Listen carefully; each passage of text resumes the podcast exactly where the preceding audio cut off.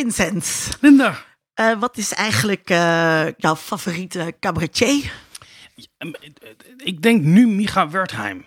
Ja, waarom? Omdat ik echt wel zijn absurdisme eh, verder vind gaan dan een reeks goede grappen op toneel. Het gaat over cabaret en dat er echt wel vervreemding is. Wat ik op een hele interessante manier vind werken. En ik vind het ook echt grappig, want het is niet alleen maar interessant. Is het de maatschappij kritisch? Nee, niet maatschappijkritisch, nee. Is Nee. het geëngageerd?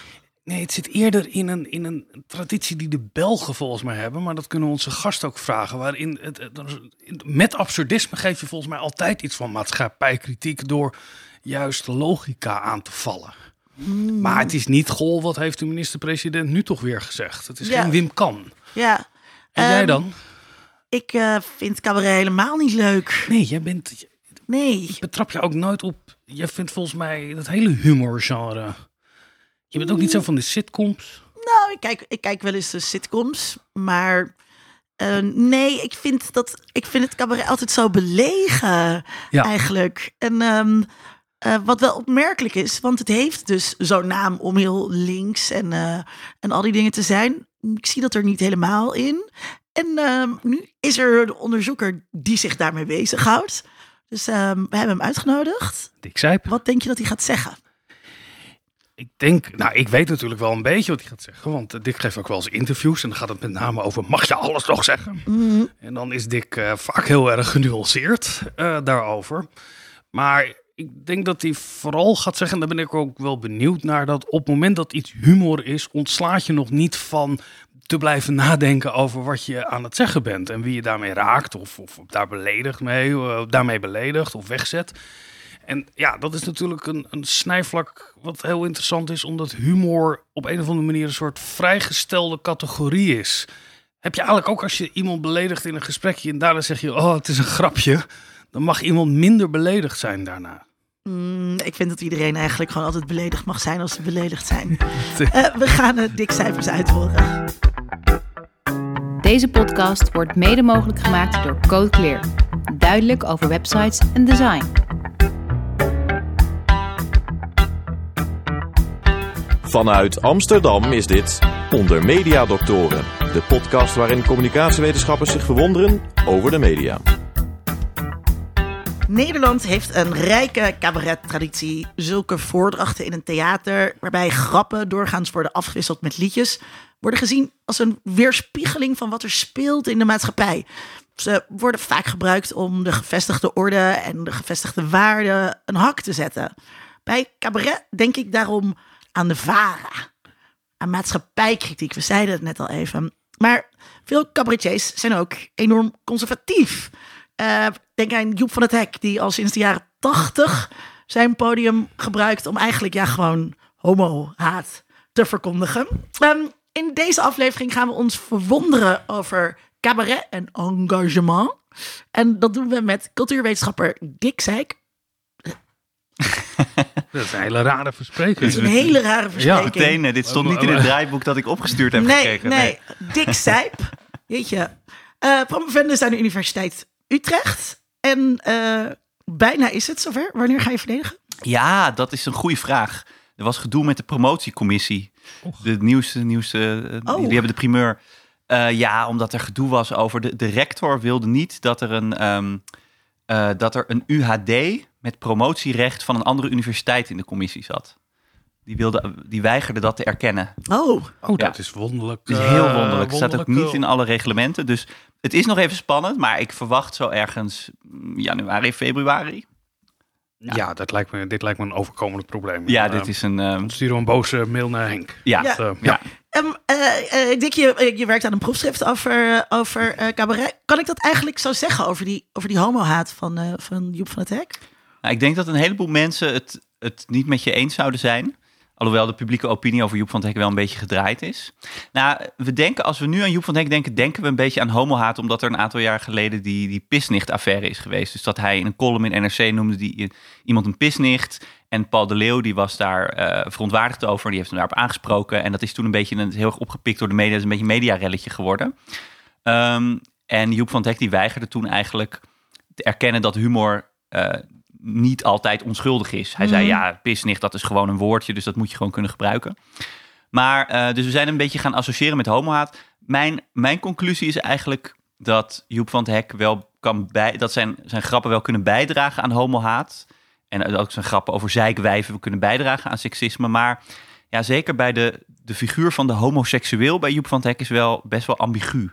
Ja. Want ik ben natuurlijk dat hele oeuvre ben ik doorgegaan en gekeken van wat, ook, ook specifiek naar dit. Juist omdat die Pisnicht-affaire zo'n ding was een paar jaar geleden. Van wat, wat voor grappen heeft, is het ook veranderd? Heeft doet hij dit altijd al? Of is, het, of is, de, is de maatschappij veranderd? Of is, is zijn humor veranderd? En ja, hij maakt al inderdaad, dat zeg je heel terecht, vanaf de jaren tachtig al grappen, ook over homoseksuelen. En ook met best wel, het gaat altijd over negatieve stereotypen. Dus het gaat altijd inderdaad over kontneuken en over leer en over van alles.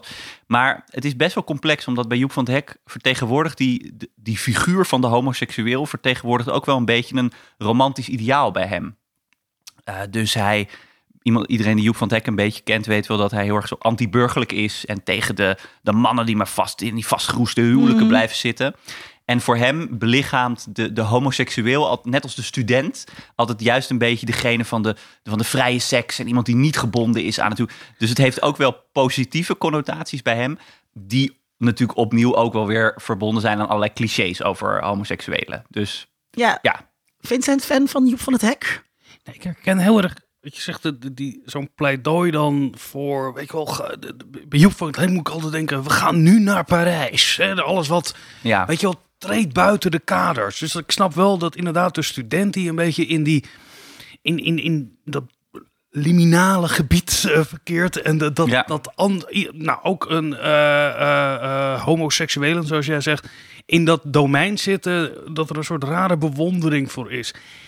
Ik heb Joep van het Hek nooit leuk gevonden. Nee. Eh, ik moet altijd denken aan de uitspraak van Freek de Jonge over Joep heeft veel in mijn mars. Dat vond ik eigenlijk wel gewoon in één zin samengevat wat Joep van het Hek was. Het was toch een beetje een uh, poor mens, Freek de Jonge, voor iets minder intellectuele types. Tenminste, in mijn VPRO Volkskrant gezin werd er op die manier over eh, Joep van het Hek gesproken. Ik keek even de beruchte Buckler-grap eh, terug. Ja, ter oh, leuk. voorbereiding van vanavond. En hij begint dan, wel het stukje begint met... eh, dat hij zo'n hekel heeft aan eh, eh, getrouwde vrouwen die over zichzelf na drie wijntjes zeggen: oh, Ik ben eigenlijk een heel gek mens. Een heel gek mens. En dan heeft hij, gaat hij heel erg uithalen naar Janneke Brinkman. En de vrouw van toenmalig minister Brinkman. En dan komt dus de, de buckler man. mannen die alcoholvrij bier drinken. En dat was, is voor hem het laagste van het laagste. Hij, hij maakt grap, nee, hij maakt niet over Brinkman, maar over Ria Lubbers. oh, sorry, Lia Lubbers. ja, Ja, dus ja, de ja. vrouw van Ruud Lubbers, toenmalig president, of Ja. president, eh, ja, minister-president. Ja, Ja, sorry. Is, Ja. Maar same difference. eh, vrouw van een toenmalige. Ja, exact. En, ja. ehm, en die, die hij spuugt zo op, op beide. En het ene ruikt gewoon heel erg naar, heel, naar seksisme. Ik vind dat bij hem heel moeilijk om dat, eh, om dat er niet, niet in te zien.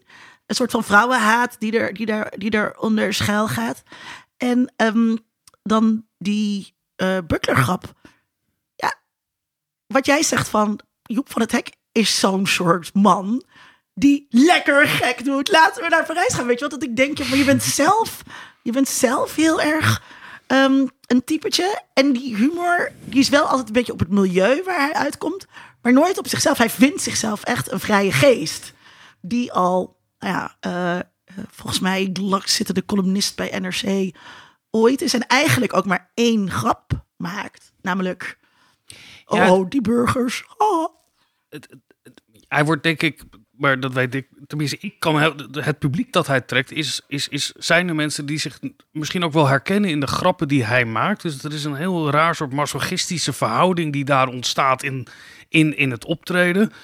Waarin Joep van het Hek ook wel degelijk nog steeds benoemt dat hij een van hen is. Weet je wel, hij is ook wel dat. Hij komt daar wel Is het vandaan. niet juist dat hij grappen maakt over kakkers aan een milieu, eh, voor een publiek wat juist iets Ja, maar wel lagere middenklasse is? Ja, ja, maar dat, die, nou ja, de- je kent de theorie erover. Mensen verplaatsen zich graag dat als ze in Naarden hadden gewoond, dat ze ook zo waren. En nu gaan ze daarover lachen.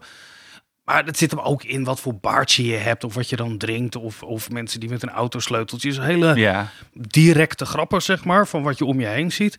Maar ik vind dat Joep van het Hek eh, in die programma's ook wel altijd weer zijn oorsprong laat zien. Van ik kom uit het gooien en ik ben eigenlijk een kakker die het ontvlucht is. Dus het is, hij vervreemdt, hij, hij benoemt niet dat hij er geen onderdeel van uitmaakt. Maar wel dat hij bevrijd is uit die, uit die kringen door deze grappen te kunnen maken. Door naar de Amsterdamse gracht te ja, en verhuizen. het, en het bohemien leven eh, te Ja, gaan. Ja, Ja, is dat, ja, ja, ja. ja, dat bohemien even. Nou, maar dat, is, het, het- dat klopt wel een beetje met waar ik op uitkwam, Vincent. Dat, dat hij eigenlijk zijn publiek een mogelijkheid tot dubbele identificatie biedt. Dus aan de ene kant eh, kun je in hem, is hij die kakker die ook in de zaal zit? Eh, en misschien zijn het inderdaad niet altijd kakkers, maar hij, doet het, hij definieert dat dan breed genoeg eh, met de laatste modus. En inderdaad de mensen met het baardje of met een bepaalde auto, dat i- dat, eh, dat, dat middenklasse publiek van hem zich daar wel in kan herkennen. Maar hij belichaamt ook het romantische ideaal van inderdaad ontsnappen aan dat saaie leven. Want hij voert altijd een personage op in zijn voorstellingen dat, dat dan inderdaad naar Parijs gaat liften. Ja. Dus dat eraan ontsnapt. Dus hij kan ook, hij vertegenwoordigt ook die, eh, ook al is het maar fictieve ontsnapping aan, die, en ik, eh, aan dat milieu. En ik het is denk dat altijd dat een het zo krachtig ontsnapping maakt ook. ook. Ja, Het, het, het is Ja. nooit.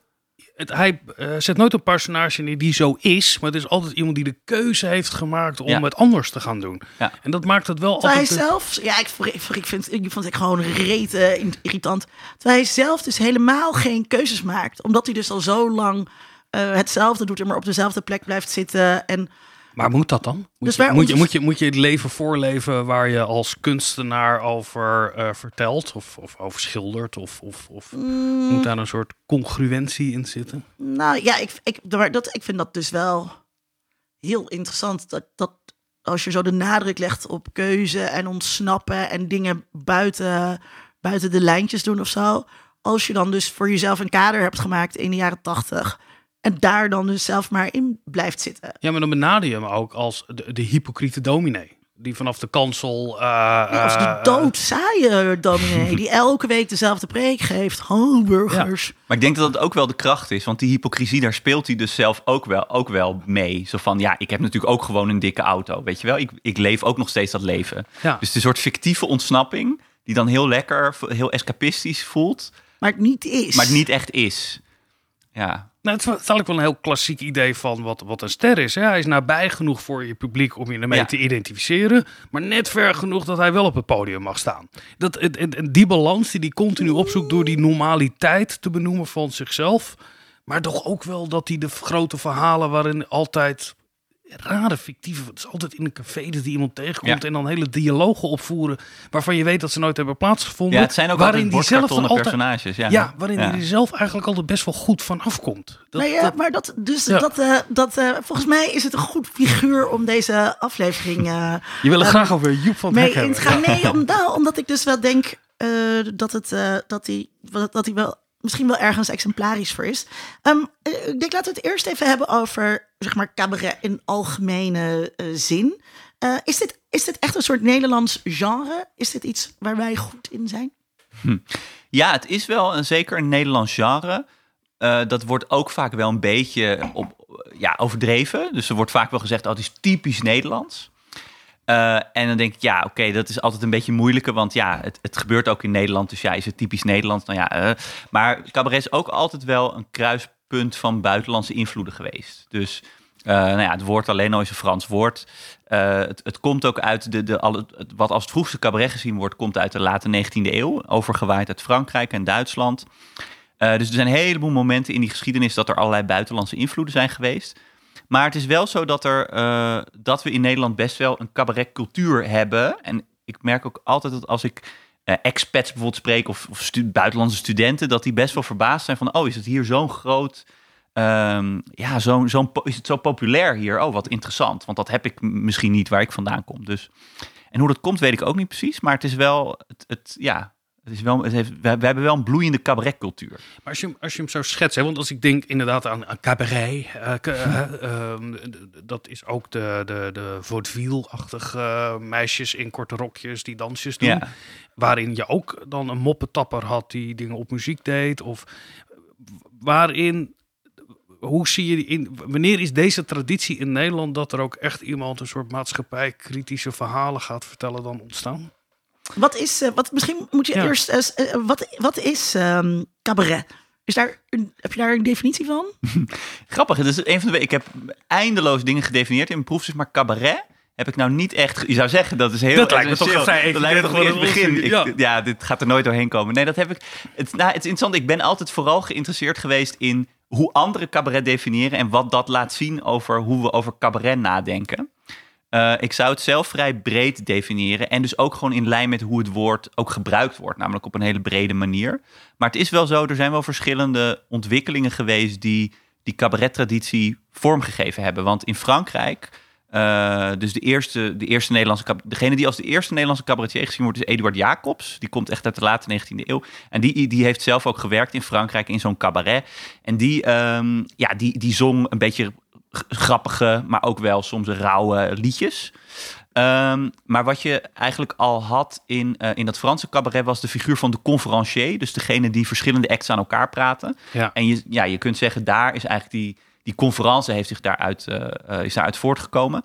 Maar ik zie eigenlijk dat cabaret van tot de Tweede Wereldoorlog in Nederland heel erg als de, de prehistorie van het genre. Dus je kunt, het, je kunt wel helemaal teruggaan naar die, naar die vooroorlogse tijd. En dat doen veel cabaretminnaars en, en, eh, eh, en historici ook wel. Maar eigenlijk is het voor de Tweede Wereldoorlog is het nooit echt goed. eh, is het nooit echt uitgegroeid tot een genre. Het waren pogingen van, van bepaalde artiesten. Die hadden een ideaal van: oh, wij willen ook cabaret in Nederland. Maar het bleef altijd maar beperkt populair. En eigenlijk is het pas in de, jaar, in de naoorlogse tijd, in de jaren 50, 60, is het echt ehm, ja, een instituut geworden en een genre geworden. En eh, toen kwamen er allerlei studentencabarets. Dus in studentenkringen werd cabaret heel populair. Toen kwamen er cab- een cabaretfestival kwam er toen in 1965, Kameretten. Dat nu nog steeds bestaat en groot is. Eh, er kwam een, een academie voor kleinkunst. Ehm, dus de, ja, de- dat is na Maar de, zat het daarvoor echt in dat soort variété? Weet je, je kreeg de goochelaar en daarna iemand die een conferentie of wat, wat grappen maakte.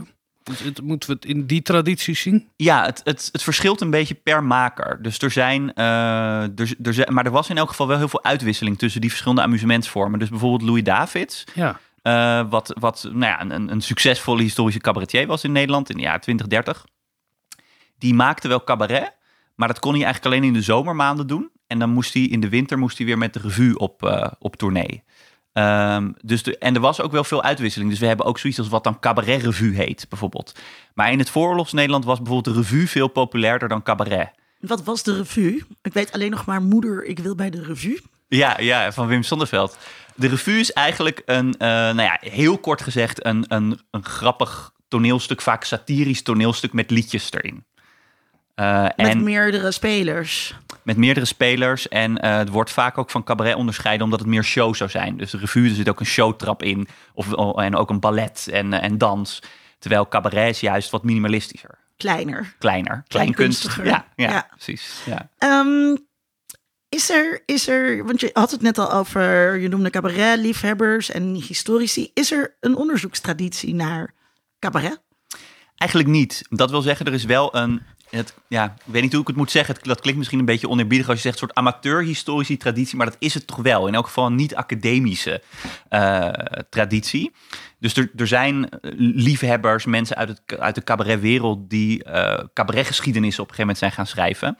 Die van Wim Ibo, dat is de meest bekende. Die schreef in 1970 een, eh een cabaretgeschiedenis. Dat ging dus echt helemaal over dat cabaret vanuit de late 19e eeuw in Nederland tot nou ja, zijn eigen tijd. En Wim Ibo, ja, dat was eigenlijk een cabaret producer, eh, zelf ook als cabaretier eh, opgetreden. Eh, dus dat was, en, die, en met die, die heeft toen een geschiedenis geschreven en daarmee is hij een beetje een autoriteit geworden. Ehm, maar dat was wel echt een, ja, dat was heel encyclopedisch. Dus dat was echt bronnen ontsluiten en, en de geschiedenis een beetje in kaart brengen. Maar echt op een meer academische manier, ja, is er weinig onderzoek naar cabaret gedaan.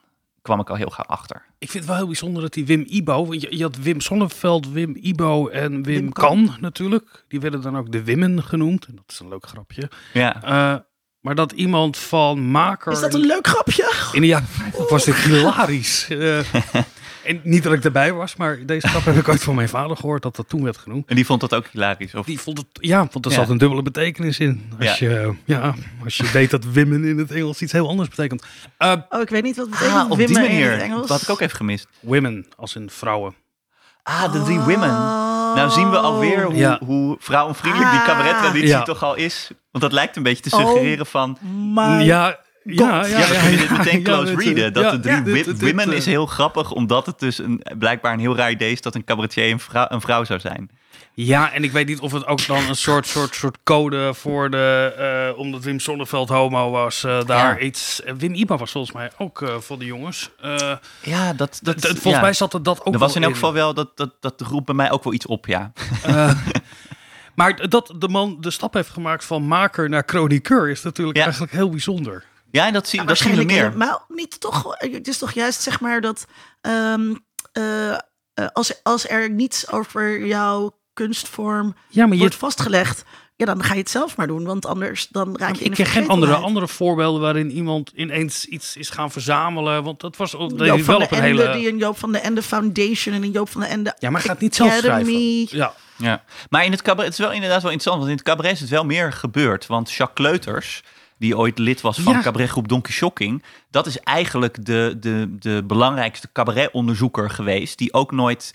Die heeft wel theaterwetenschap gestudeerd, maar die is op een gegeven moment bewust weggegaan bij de universiteit. Die wilde geen proefschrift schrijven. Maar die heeft voor het Theaterinstituut, dus wel een onderzoeksinstituut, heeft hij ook echt boeken geschreven over cabaret. En een, bijvoorbeeld een biografie ook over Toon Hermans. En dus dat is iets wat meer gebeurt in het cabaret. Wat denk ik toch wel te maken heeft inderdaad met gewoon een gebrek aan, eh, aan, eh, aan aandacht van wetenschappers. En het feit dat cabaret misschien ook wel heel tekstgericht is. Dus misschien dat dat in andere genres minder snel gebeurt. Maar in het cabaret, ja. Je voeling hebt met cabaret, ben je misschien ook wel talig. En dan vind je Ja. het misschien ook leuker om daarover te schrijven. Ik weet het niet. Maar Want ehm, jij bent eh, eh, cultuurwetenschapper, wat lekker, wat lekker een soort van algemeen eh, is. Ja. Waar is jouw onderzoek ondergebracht? Ja, dat is een goede vraag. Ik ben buiten promovendus.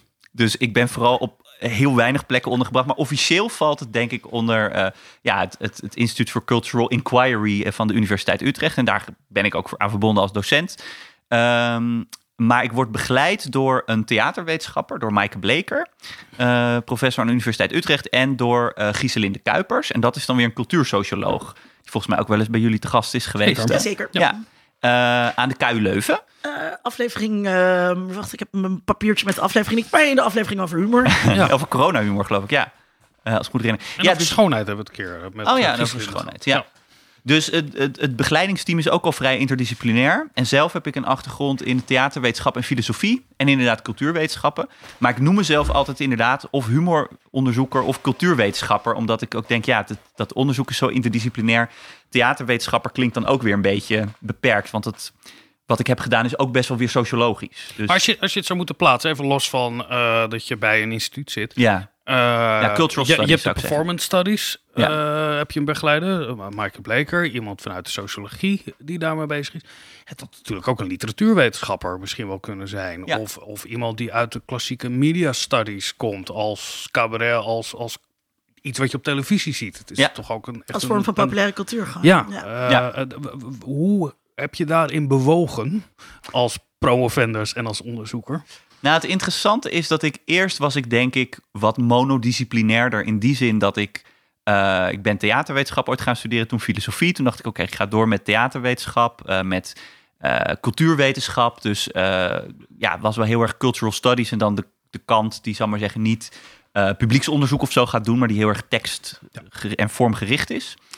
Ehm, en toen ben ik op een gegeven moment tijdens mijn master heb ik op een gegeven moment ja, ik kwam er gewoon achter dat theaterwetenschappers zich eigenlijk niet met humor wensen bezig te houden. En dat als ze het doen, dat ze dan... Theaterwetenschappers wel helemaal niks met theater te maken hebben, heb ik soms het idee. Maar dat is een hele andere discussie. dat, dat is soms inderdaad ook, eh, ook zo. Maar dat, ehm, ja, dat er heel weinig aandacht was voor, nou ja, voor cabaret, maar ook voor humor binnen, binnen de theaterwetenschap. Omdat humor is eh, te plat.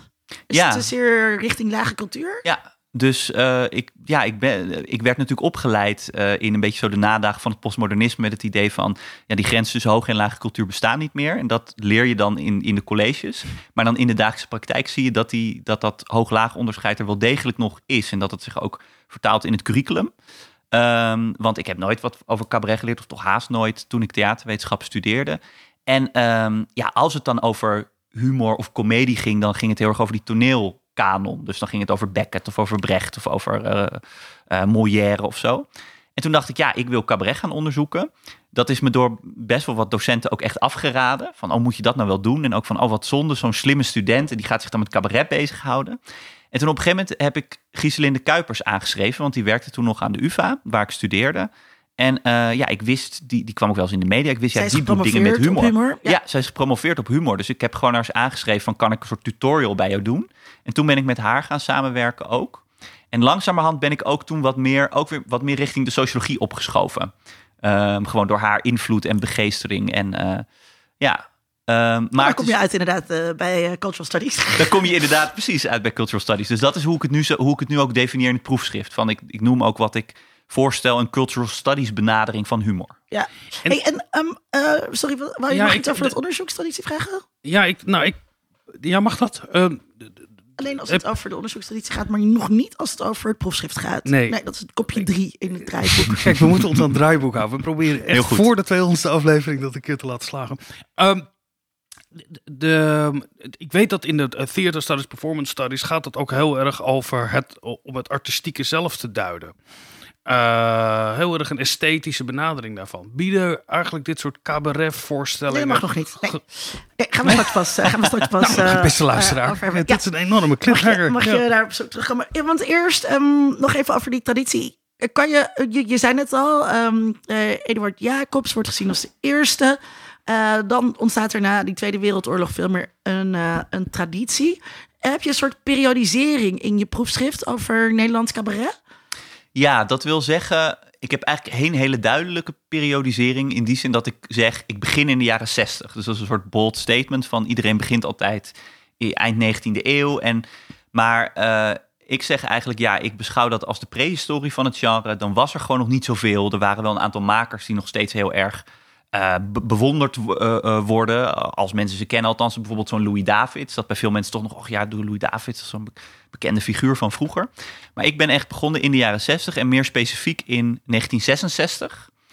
Ehm, omdat ik ook die relatie tussen cabaret en kritiek en maatschappijkritiek wilde onderzoeken. Ehm, en in de jaren 60 er van alles gebeurt in Nederland. eh, en, en zeker ook in, eh, in Amsterdam met de Provo-beweging en met rellen en protesten.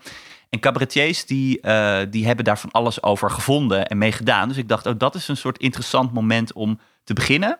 En dat valt dus samen met het moment dat er een soort cabaretveld ontstaat ook. Ja, die Provo-beweging maakte ook, het was een hele humoristische beweging. Zuigend, treiterend eh, Ja. eh, humor. En, en, en best wel intellectueel eh, met Roel van Duin en wat dan ook. Is, is dat ook echt, je bent niet misschien, een, je doet geen echt historisch onderzoek tenminste, maar zie je dat ook echt als een sens, censuur in de geschiedenis? Komt, is dat echt een wezenlijk andere manier van kunstvorm die dan ontstaat?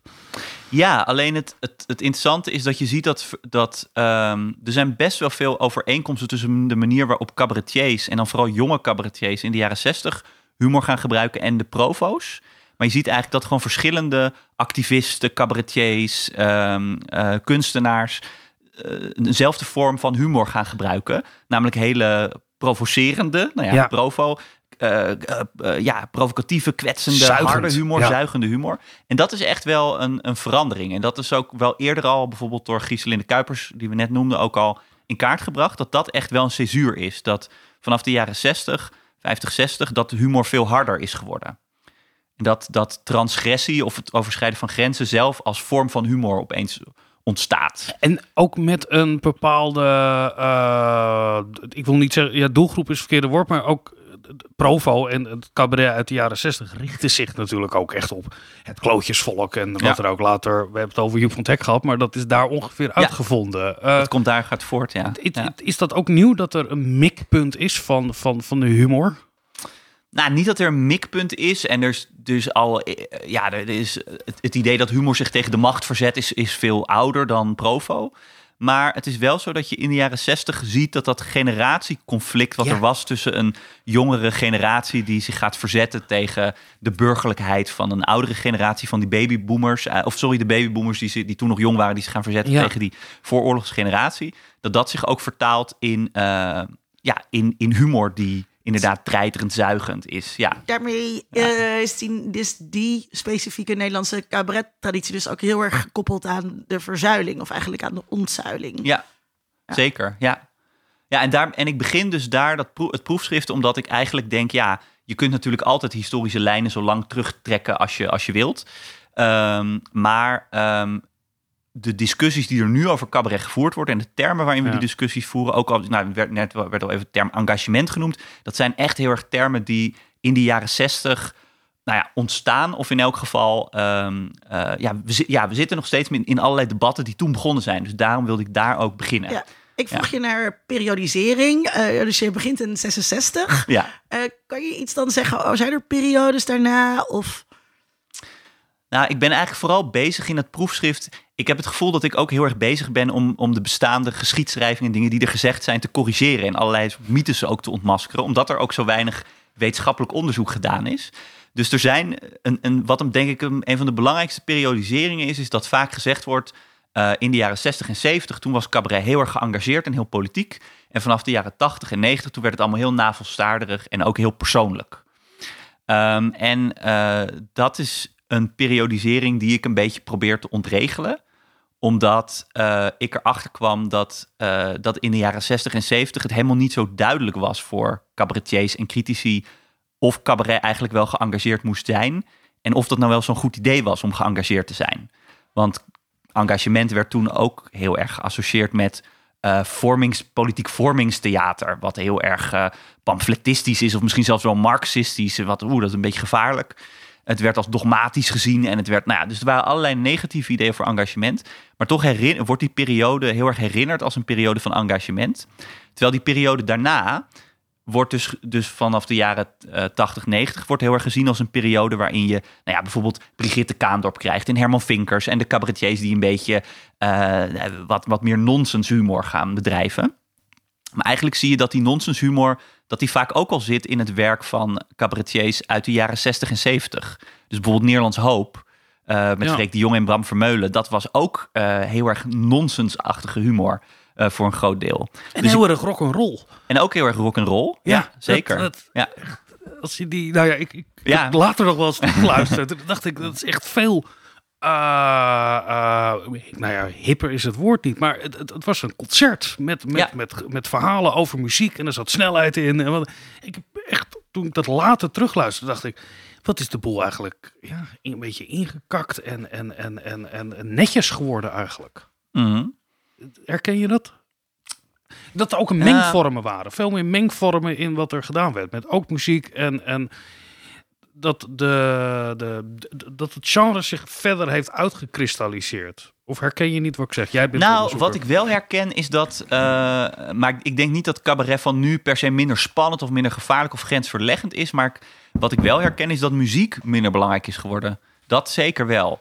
Dus ehm, eh, zeker vanaf de jaren negentig, toen stand-up comedy ook opkwam. Ja. En ook eh, naar Nederland geëxporteerd werd door Rauw Heertje. En toen werd de Comedy Train opgericht. En, eh, en, en eh, dat, toen is eigenlijk omdat stand-up comedians uit eh, de UK of de US... Die, die zingen over het algemeen niet echt. Nee. Een paar uitzonderingen daar gelaten. En dat heeft heel erg een nieuwe generatie cabaretiers toen beïnvloed.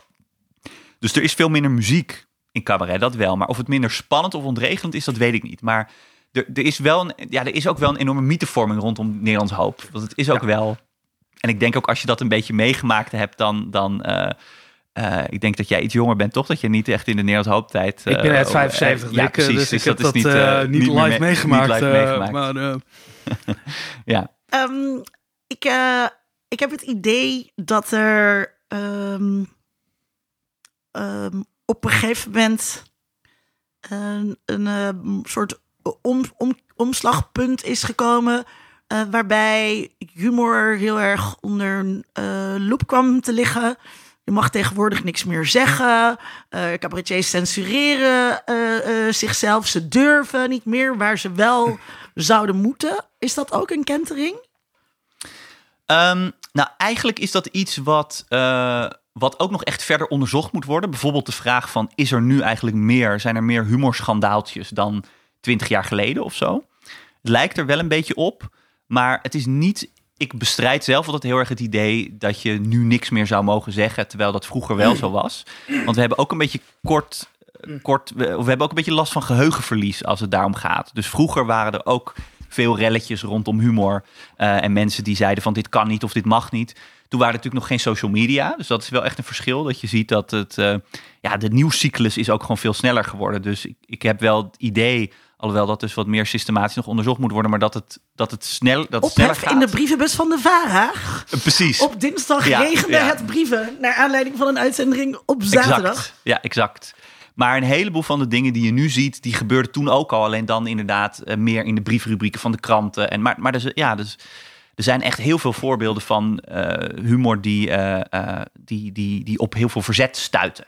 Eh, en dat is ook logisch, want humor gaat eigenlijk altijd over grenzen overschrijden. Dus ja, het is eigenlijk ehm, een wonder dat het zo vaak goed gaat. Ehm, eh, maar ik vind wel... Ja, wa- waren het vroeger zelf ook de cabaretiers die er zo nadruk op legden? Omdat ik dat toch wel het idee heb. Theo Maassen, Hans Steeuwen, die, waar, die dus heel erg gingen... ehm, die daar zelf over begonnen. En zij werden eh, een soort van... eh, niet de boze briefschrijvers... eh, maar eigenlijk wel, eh, die klaagden ook over hun collega's die zich zomaar zouden Ja. ehm, zelf censureren. Ja, dat, dat heb ik ook echt onderzocht, want dat wilde ik weten. En vooral bij die een beetje shock cabaretiers. eh, Hans Theeuwen, Theo Maassen, Joep van het Hek. Ehm, die drie specifiek heb ik onderzocht, omdat ik dacht, ja, dat zijn cabaretiers die, die hebben een lange carrière. Die zijn of in de jaren negentig begonnen, zoals Theo en Maassen, of ze bereikten toen een beetje het hoogtepunt van hun carrière, zoals Joep van het Hek. Die maken nu ook nog cabaretvoorstellingen. Ehm, is, is dat eigenlijk veranderd? Klopt het dat ze vroeger dingen mochten zeggen die ze dan nu niet meer zouden mogen? Eh, is hun humor veranderd? Dus dat heb ik geprobeerd te onderzoeken. En wat er eigenlijk uitkwam is dat eh, ja, eigenlijk zowel de sociale context veranderd is als de humor. Dus je ziet dat als je bij alle drie die cabaretiers zie je dat in de jaren negentig... eh, en we kijken nu heel erg terug naar de jaren negentig als... oh, toen kon alles nog en toen mocht je tenminste nog wel grappen maken over vrouwen of over mensen van kleur. Ja, het klopt dat er toen inderdaad in het werk van een Joep van het Hek of in een Theo Maas hele harde grappen gemaakt werden. Ehm, dat daar nu meer ophef over is. Maar ik denk ook omdat er dus meer mensen of groepen een stem hebben gekregen, ook via social media, die dat toen misschien niet hadden. Dat was toen ook al niet leuk, wil je eigenlijk zeggen. Ja, ja. En eh, het, is dus ook niet zo dat er helemaal nooit eh, eh, kritiek was op die humor. Maar ik denk wel dat in de mainstream kritiek op humor van groepen over wie de humor gaat.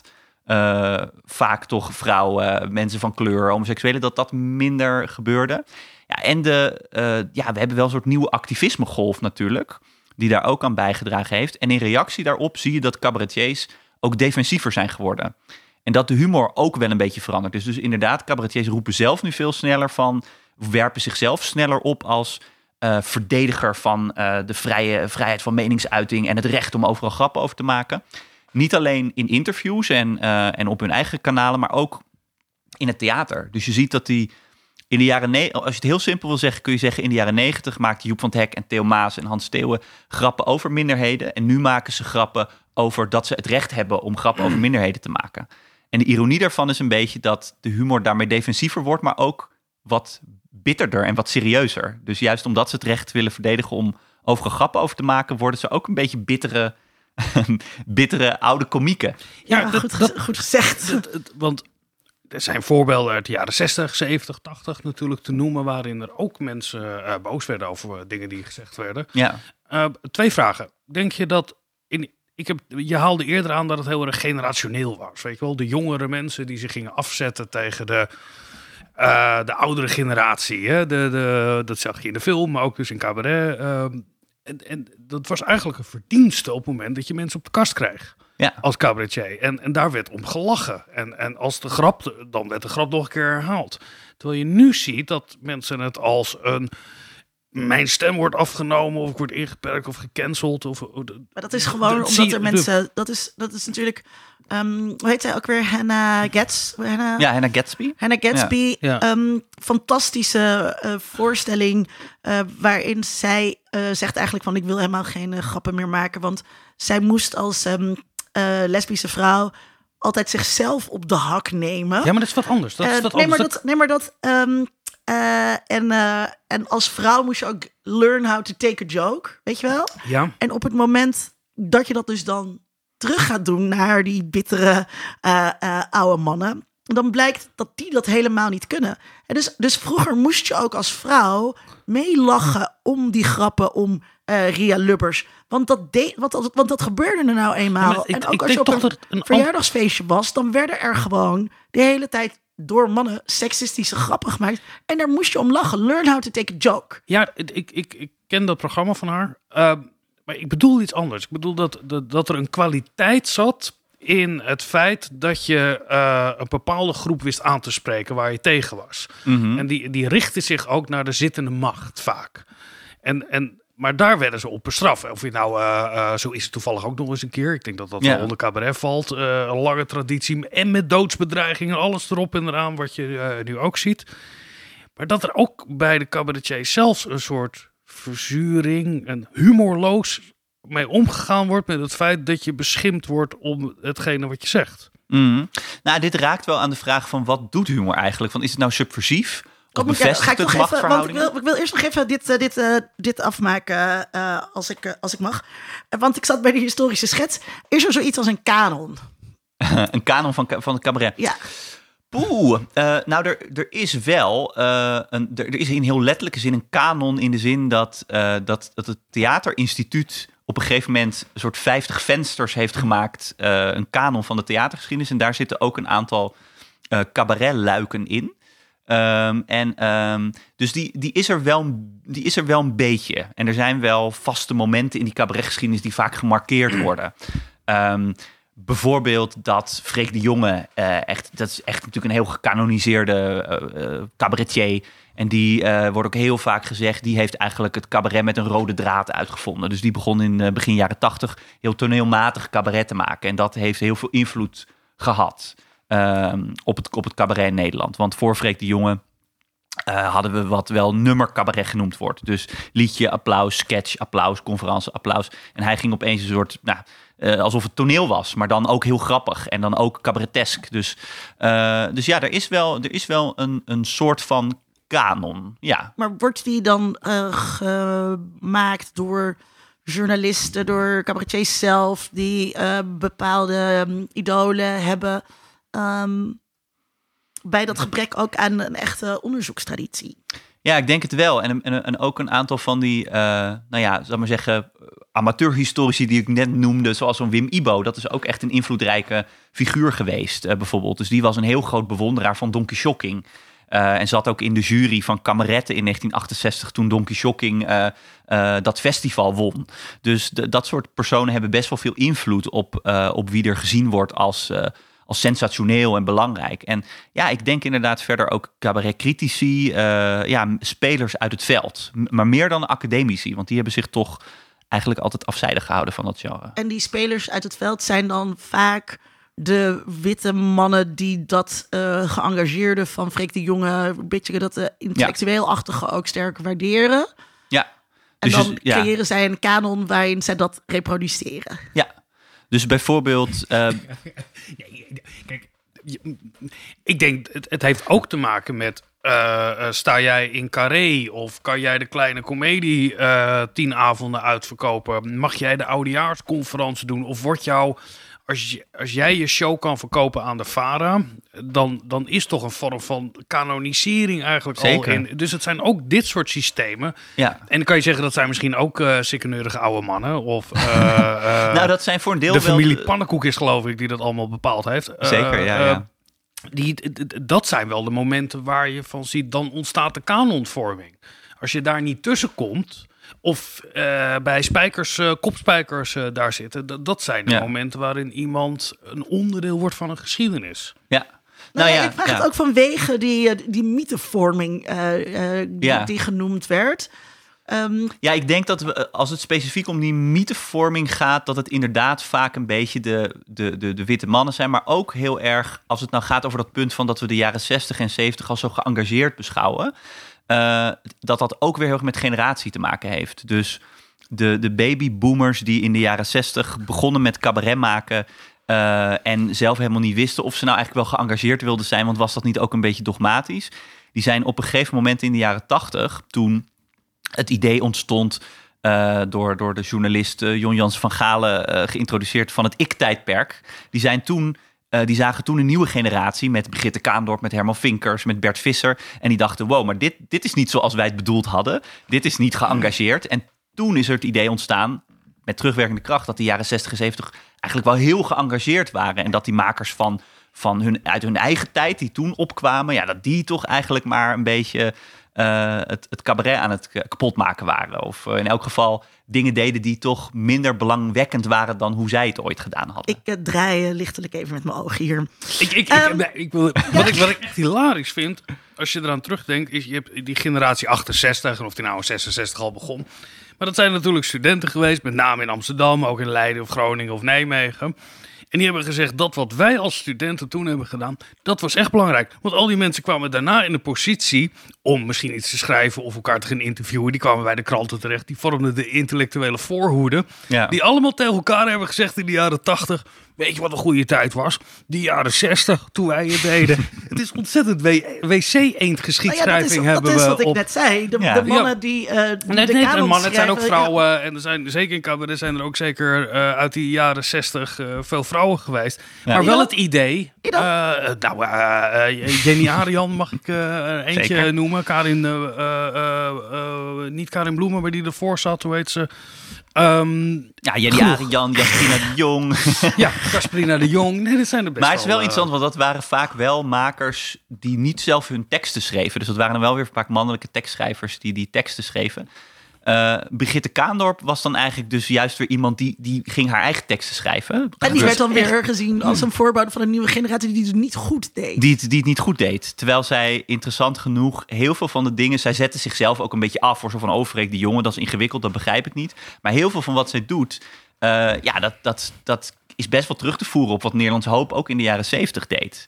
Dus dat is wel interessant. Maar waar jij wel gelijk in hebt, Vincent, het is natuurlijk niet, het is niet een soort conspiracy of zo van de witte mannen. Dat is natuurlijk zeker niet zo. En, het, en cabaret is ook een commercieel genre. Dus het gaat er ook om van wat heeft er succes in de theaters voor een, voor een publiek. Maar ja, die spelers zijn wel heel belangrijk. Want ook als het gaat om moet je, kom je wel of niet bij de VARA. Die Wim Ibo, nou ja, die heeft bijvoorbeeld uitonderhandeld dat Wim Kan voor het eerst in 1954 voor 1000 euro, wat een immens bedrag was toen, een oudejaarsconferentie voor de, voor de VARA-radio kon doen.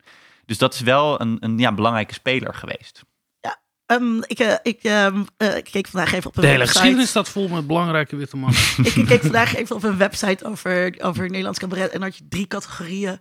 Um, uh, bekende cabaretiers, uh, de beste cabaretiers en een derde categorie vrouwelijke cabaretiers. Welke site was dat? Weet je dat toch? Ik ben uh, veel heel. Volgens mij klinkt een beetje schokkend dit. Ne Nederlands cabaret of cabaret Nederland of zoiets. Als je dat, uh, als je dat googelt. Nou, ik vond het, ik vond het dus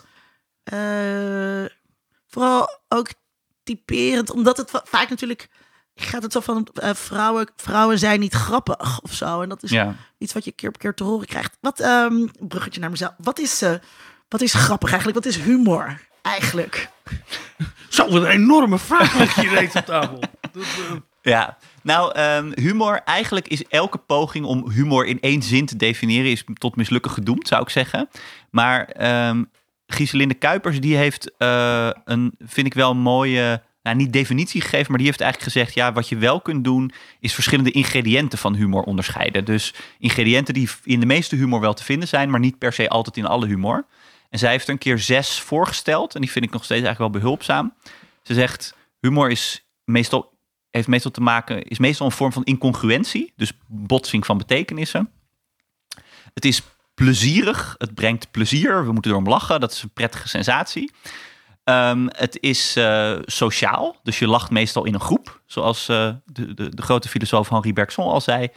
Um, het is um, uh, niet serieus. Dus het is een vorm van framing. Als je een grap maakt, dan uh, gebruik je vaak ook allerlei cues om aan te geven. Ik meen dit niet echt. Je moet dit met een korreltje zout nemen.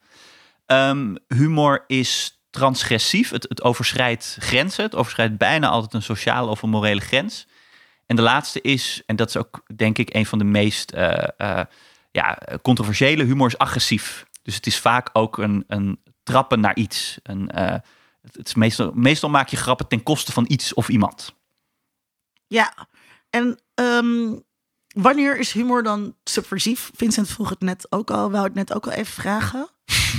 wanneer, wanneer denk jij dat humor subversief is? Wanneer vind jij humor sub- subversief? Laten we het een subjectief oordeel maken. Nou, je, je- ik weet niet wat de tweede definitie, maar je, je, je- je laat iets botsen. Ja, eh, waardoor iets grappig wordt. Dat elke mop is ongeveer daarop gebaseerd. En ik, ik heb het idee dat eh, in cabaret je laat het botsen waarmee je ook de verwachtingen van de luisteraar of de kijker daarmee confronteert met je eigen vooroordelen wat dan ook. Je vult iets in eigenlijk en je wordt erop betrapt dat het dan anders is. Dus er zit in, in lachen, ik wil niet heel, maar volgens mij is lachen ook een soort ontlading van spanning die opgebouwd wordt, die waar je je hoofd niet omheen krijgt. En zeker als dat ook nog eens een keer op morele gronden is, dan is dat een hele fijne ontlading om... eh, maar is dat, sub, dat is toch niet subversief? ja, maar die eh, grap moet dus iets subversief in zich dragen wat je herkent in jezelf. Of wat je... eh, die Gatsby die hij aanhaalde, het, zo heet ze toch? Daar zit zo'n heel ding in het show, in haar show, waarin de 20 minuten gewoon bloedserieus is. Zij overtreedt eigenlijk de regels dat alles wat je op een podium zegt in het kader van humor, dat we het met een korreltje zout mogen nemen. Nee, zij staat daar bloedserieus. eh, zij staat daar bloedserieus een verhaal te vertellen over mijn verwachtingen van een vrouwelijke cabaretier. Dat zij zichzelf te kakken gaat zeggen als vrouw. Ik denk dat, Dat- daar het sub, daarin werkt het subversieve werk volgens mij op het moment dat je verleid wordt.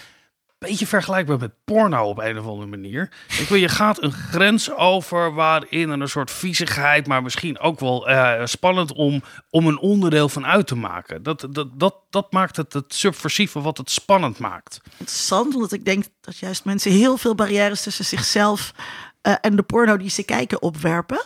Ehm, maar, eh, Ja, maar- eh, wanneer, wanneer, Dick, wanneer is humor subversief? Ik vind deze vraag een heel, ik vind het een heel goede vraag. Eh, meteen al omdat het ervan uitgaan dat humor niet per se subversief is. En dat is al best wel een stap. Dat moeten we toch even benoemen. Want Drie wimmen drie winnen. nou ja, omdat is er niet toch nog. subversief, toch? Nee, nou ja, Jawel, het- vrouwen, dat zijn allemaal mannen. Ja, dat is het. omdat er toch nog steeds.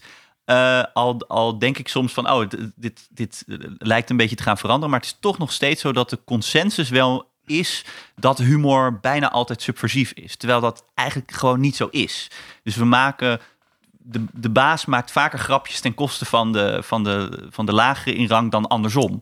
Eh, want ehm, eh, ja, we, we trappen toch vaker naar beneden dan naar boven. Ook al is het officiële publieke discours dat we dat niet moeten doen. En dat je naar boven moet trappen en niet naar beneden moet trappen.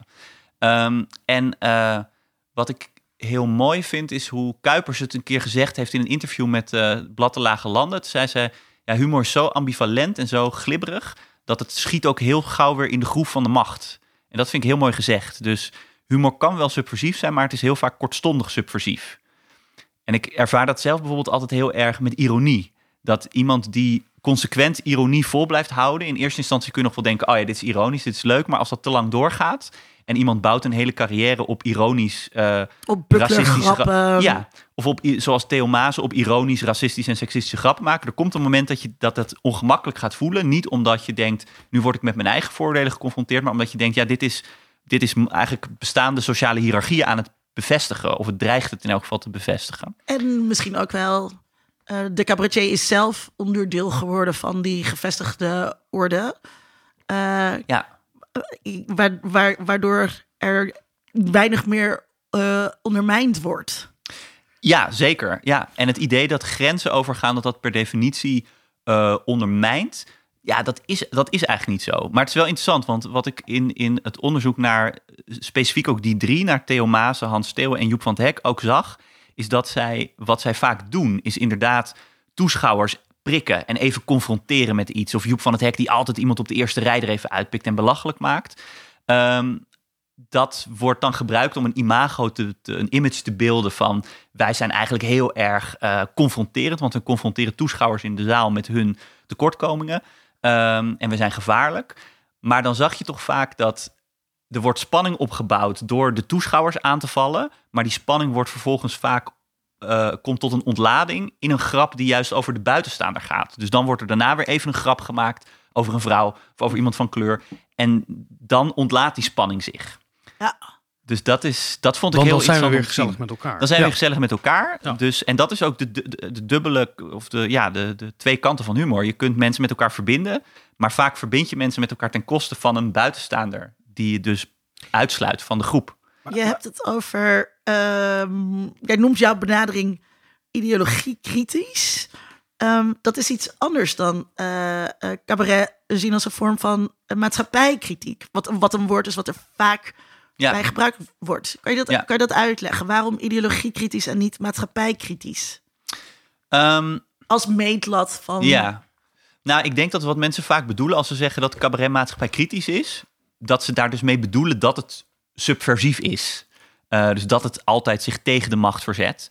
Terwijl je kunt kritiek natuurlijk breder definiëren en zeggen van, hè, je kunt ook, eh, hè, Thierry Baudet levert ook kritiek. het is misschien niet de meest progressieve kritiek, zegt maar dat zelf weet ik wel ook heel zeker. vaak dat het een grap is wat, Ja. hij, wat hij zegt. Ja, dat is weer een andere kwestie, maar dat is ook heel interessant. Eh, maar ik kwam er al gauw achter in mijn onderzoek van ja, die, die notie van kritiek, die, is wel, die kan wel interessant zijn, maar het is als categorie is het ook lastig, omdat het kan eigenlijk van alles zijn. Eh, Kritisch is ook gewoon al een heel lastig woord. ja, dat Wanneer is ook is al precies. Ja. Ja. En ideologiekritiek, ja, ik, ik gebruik die term niet echt zo expliciet meer. Eh, een paar jaar geleden nog wel. Maar het is wel, ik denk dat het wel nog steeds wel redelijk goed omschrijft wat ik doe. Omdat ik eh, wel geïnteresseerd was, dus juist in ook die andere kant van humor. Ik dacht, we hebben het altijd over, die, over hoe, hoe, subversief en revolutionair humor wel niet is. Maar die andere kant, over dat humor ook machtsverhoudingen kan bevestigen. Daar hoor je wat minder over. Eh, en eh, die wilde ik gaan onderzoeken. En daarbij dus ook inderdaad oog hebben voor voor bijvoorbeeld ook gender of etniciteit en seksualiteit. En, en hoe dat ook meespeelt in, in humor. Ehm, ja, dus dat is, eh, dat is wat denk ik mijn onderzoek ook ideologie kritisch maakt. Dat ik daar ook oog voor probeer te hebben. En er niet blindelings van uit probeer te gaan dat humor altijd wel positief zou zijn. En daar altijd zo'n draai aan geven. Waardoor, want dat is wat heel veel gebeurt. En heel veel, er zijn ook Positief? Positief voor wat?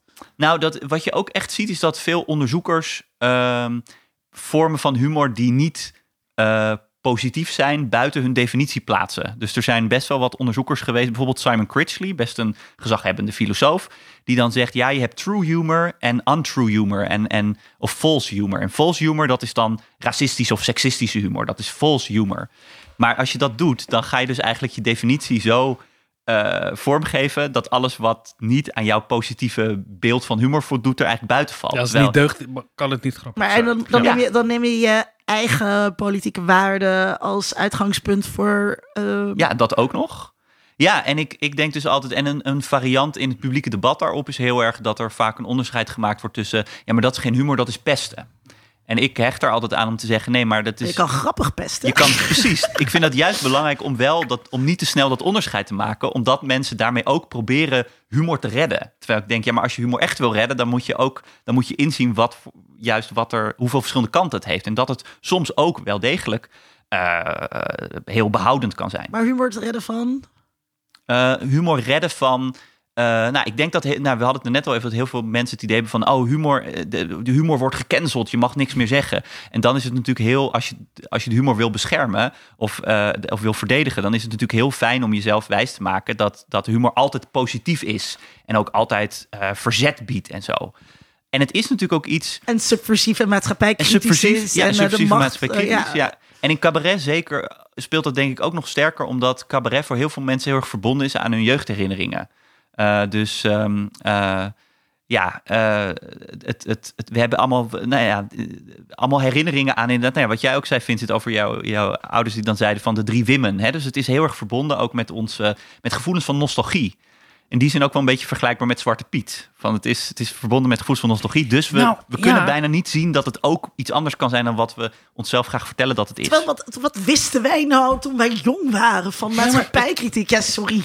Ik was gewoon tien en ik keek naar Paul de Leeuw. Dan vond ik het hartstikke grappig als je mensen met Down ging uitlachen. Ja, ja. Ik ervaar het als je ergens hardop hebt gelachen. En of het nou kort geleden is of langer. En iemand wijst je erop van, nou ja, het is toch, eh, heeft daar kritiek op.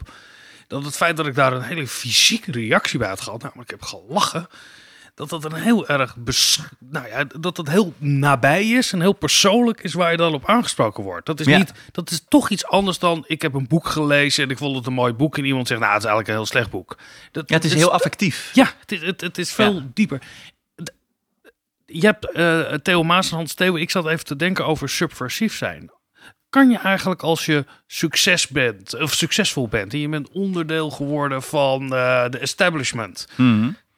kunnen zij dan nog subversief zijn? Ik denk dat het wel kan, omdat je juist als je een machtspositie hebt, kun je die machtspositie natuurlijk ook inzetten om bepaald onrecht aan de kaak te stellen. Ehm, maar ik denk wel dat dat iets is wat vaak niet gezien wordt. Dus er wordt vaak heel erg gedacht vanuit. Eh, dus ik ben het helemaal met je eens dat heel veel cabaretiers hebben een machtspositie. En het is, n- het is misschien nooit fijn om van jezelf te erkennen dat je een machtspositie hebt. Maar we zien toch altijd humoristen nog heel erg als de narren die eh, heel erg marginaal zijn. En zo vanuit de marges kritiek leveren op de macht. Maar ja, eh, miljonairs die, die, die, die hele the- theatertournees maken voor, en, Ja. en iedere avond voor duizend mensen staan. Ja, die hebben zelf natuurlijk ook een machtspositie. En dat is niet fijn om dat te erkennen. Als ik even deze drie cabaretiers die jij onderzocht hebt, eh, eh, want ik heb dat natuurlijk wel eh, gevolgd en veel daarvan gezien.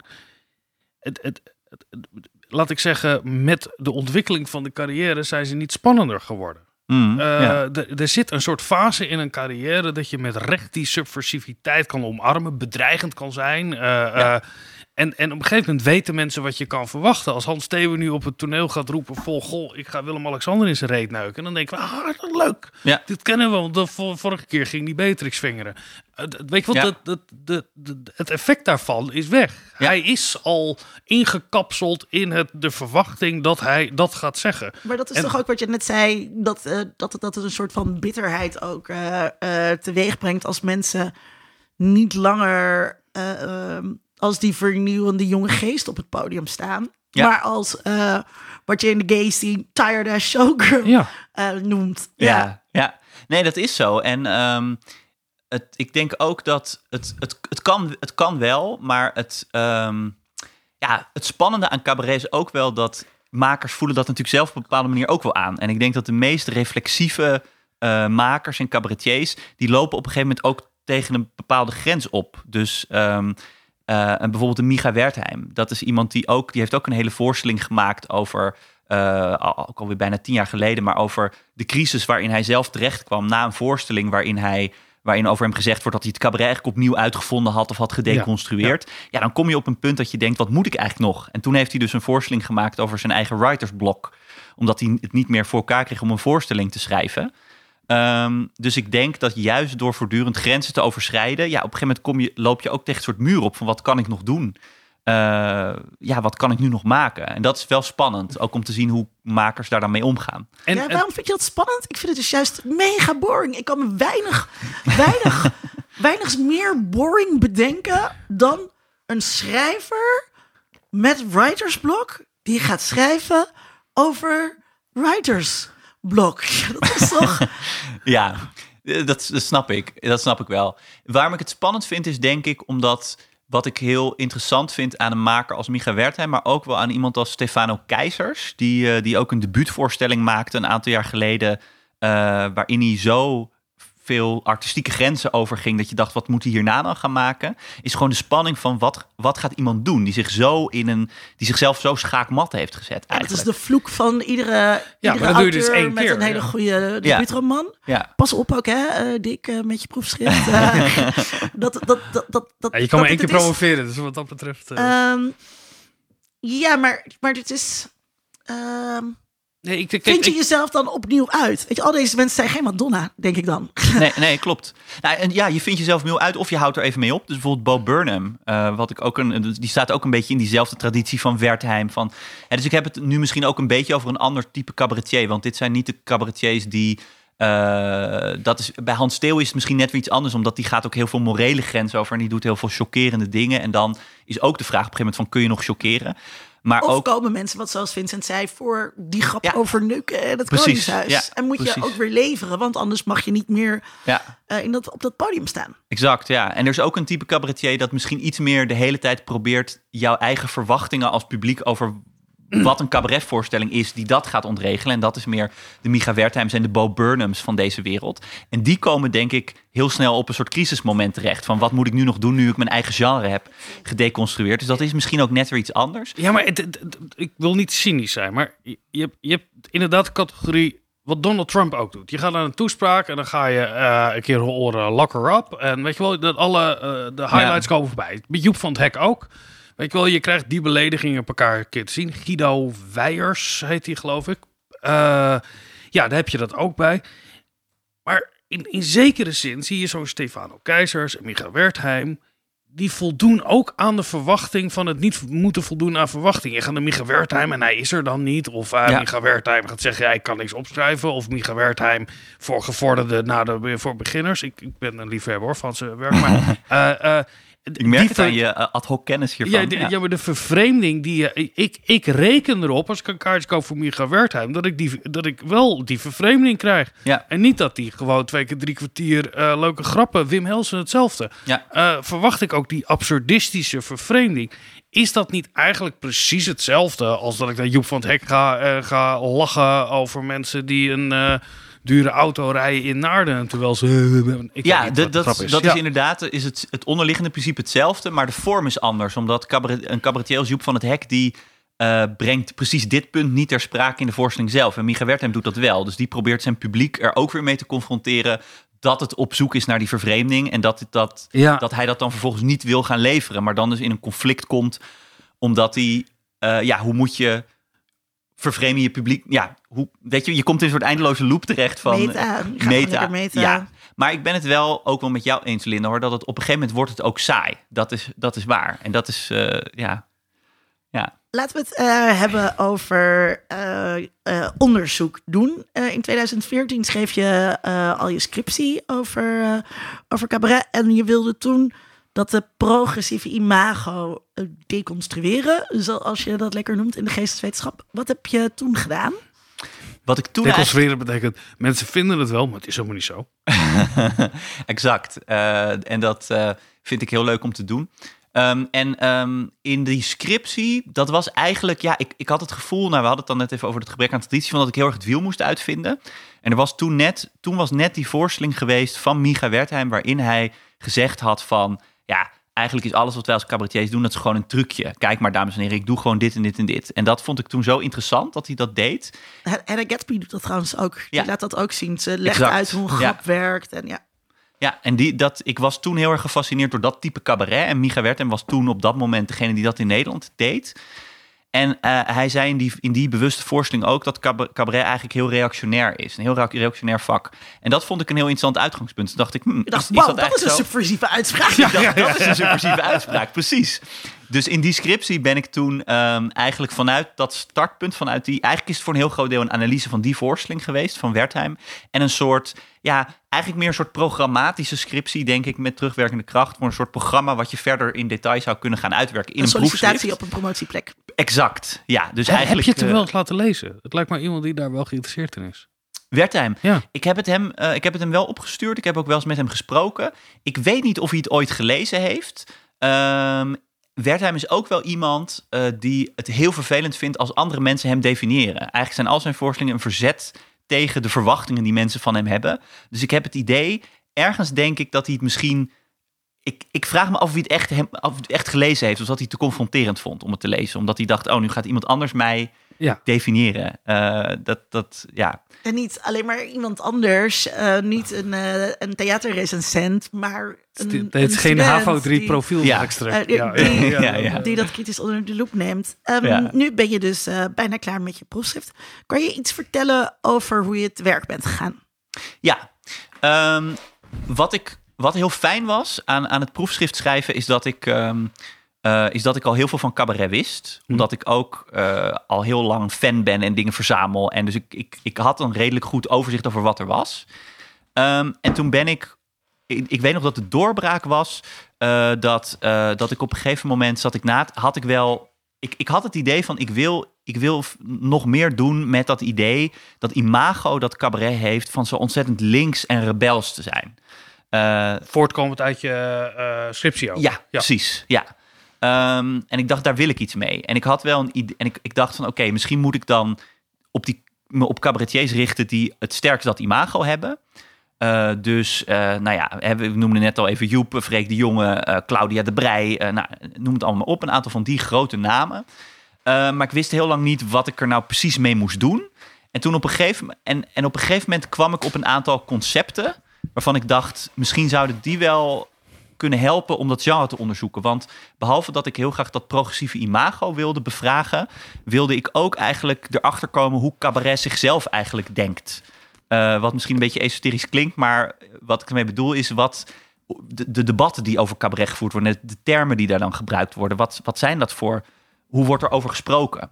Uh, binnen een, een, een, een professionele, in, in de journalistiek of uh, uh, binnen het cabaretwereld zelf? Ja, of, dus het is eigenlijk een heel klein wereldje. Dus de, ook de, de cabaretrecensenten en cabaretiers die zijn voortdurend met elkaar in debat over ja. bijvoorbeeld moet cabaret geëngageerd zijn of niet. Nou ja, ik dacht dat is, dat is bijvoorbeeld een term, daar moet ik iets mee. maar ook, ik kwam op een gegeven moment achter dat het, dat het heel vaak ook over nuance gaat. Toen dacht ik, ja, nuance, daar moet ik ook misschien iets mee. En toen had ik een aantal begrippen die ik als een soort eh, lens of perspectief kon gebruiken. Um, en maar je, je vertrok uh, vanuit een conclusie, wat niet ongebruikelijk is in cultuurwetenschappen. Tenminste, in, ja. met de conclusie waar je over verwondert. Waarom vinden mensen het allemaal zo progressief? Ja. Klopt dat? Is het, ja, dat klopt. En dat is denk ik ook wel wat het. Dat zeg je wel goed. Dat is denk ik ook wat lastigst geweest. Omdat je natuurlijk, als je echt goed onderzoek wil doen, dan moet je ook niet naar een conclusie toe redeneren. Dan moet je echt weer opnieuw dingen leren zien. En dat heeft me soms ook best wel moeite gekost. Omdat ik inderdaad uh, ook wel een beetje het idee in mijn hoofd had van ja, iedereen roept altijd. Maar ik bedoel, moet je ook voorstellen van je komt, je, ja, je komt in toch wel best een commercieel genre. Dan zit je iedere avond in de zaal en overdag lees je Marx en, en volg je college over gender studies. En wat doet dat dan met je blik op cabaret? Nou ja, ik begon het toch. verpest het. Dat ja. is wat het doet. Ja, dat is wat het doet. Dus ik begon op een gegeven moment te zien van ja, maar hoor eens, er wordt gedacht dat dit enorm progressief is, maar dat valt allemaal wel mee. Maar ja, ja het, alles heeft het, het, natuurlijk ook gradaties. Hè? Het heeft ook gradaties. Als jij colleges volgt in de nog linksere kerk dan uh, de, het theater is. Ja, maar dat is, dat is natuurlijk denk ik wel. Um, dat is, dat is natuurlijk wel heel veelzeggend. Mijn nou, ik geloof heel erg van... dat we in linkse kringen elkaar de maat nemen over de mate van linksheid. En, en een typisch iets is van linkse mensen. Ja, ja, daardoor zeg ik ook altijd: jij bent helemaal niet links. Ik ben ook helemaal niet uh, links. Nee, uh, ik ben lid van D66. Ja, maar, ja, maar je zei in linkse kringen. Wat in sommige wij, kringen ongeveer gelijk staat aan radicaal rechts. Maar, um, maar dat. Uh, nou ja, dat is, dat is natuurlijk wel. Dat is natuurlijk wel een ding, zeg maar. Wat, ja. Wat voor mij subversief is.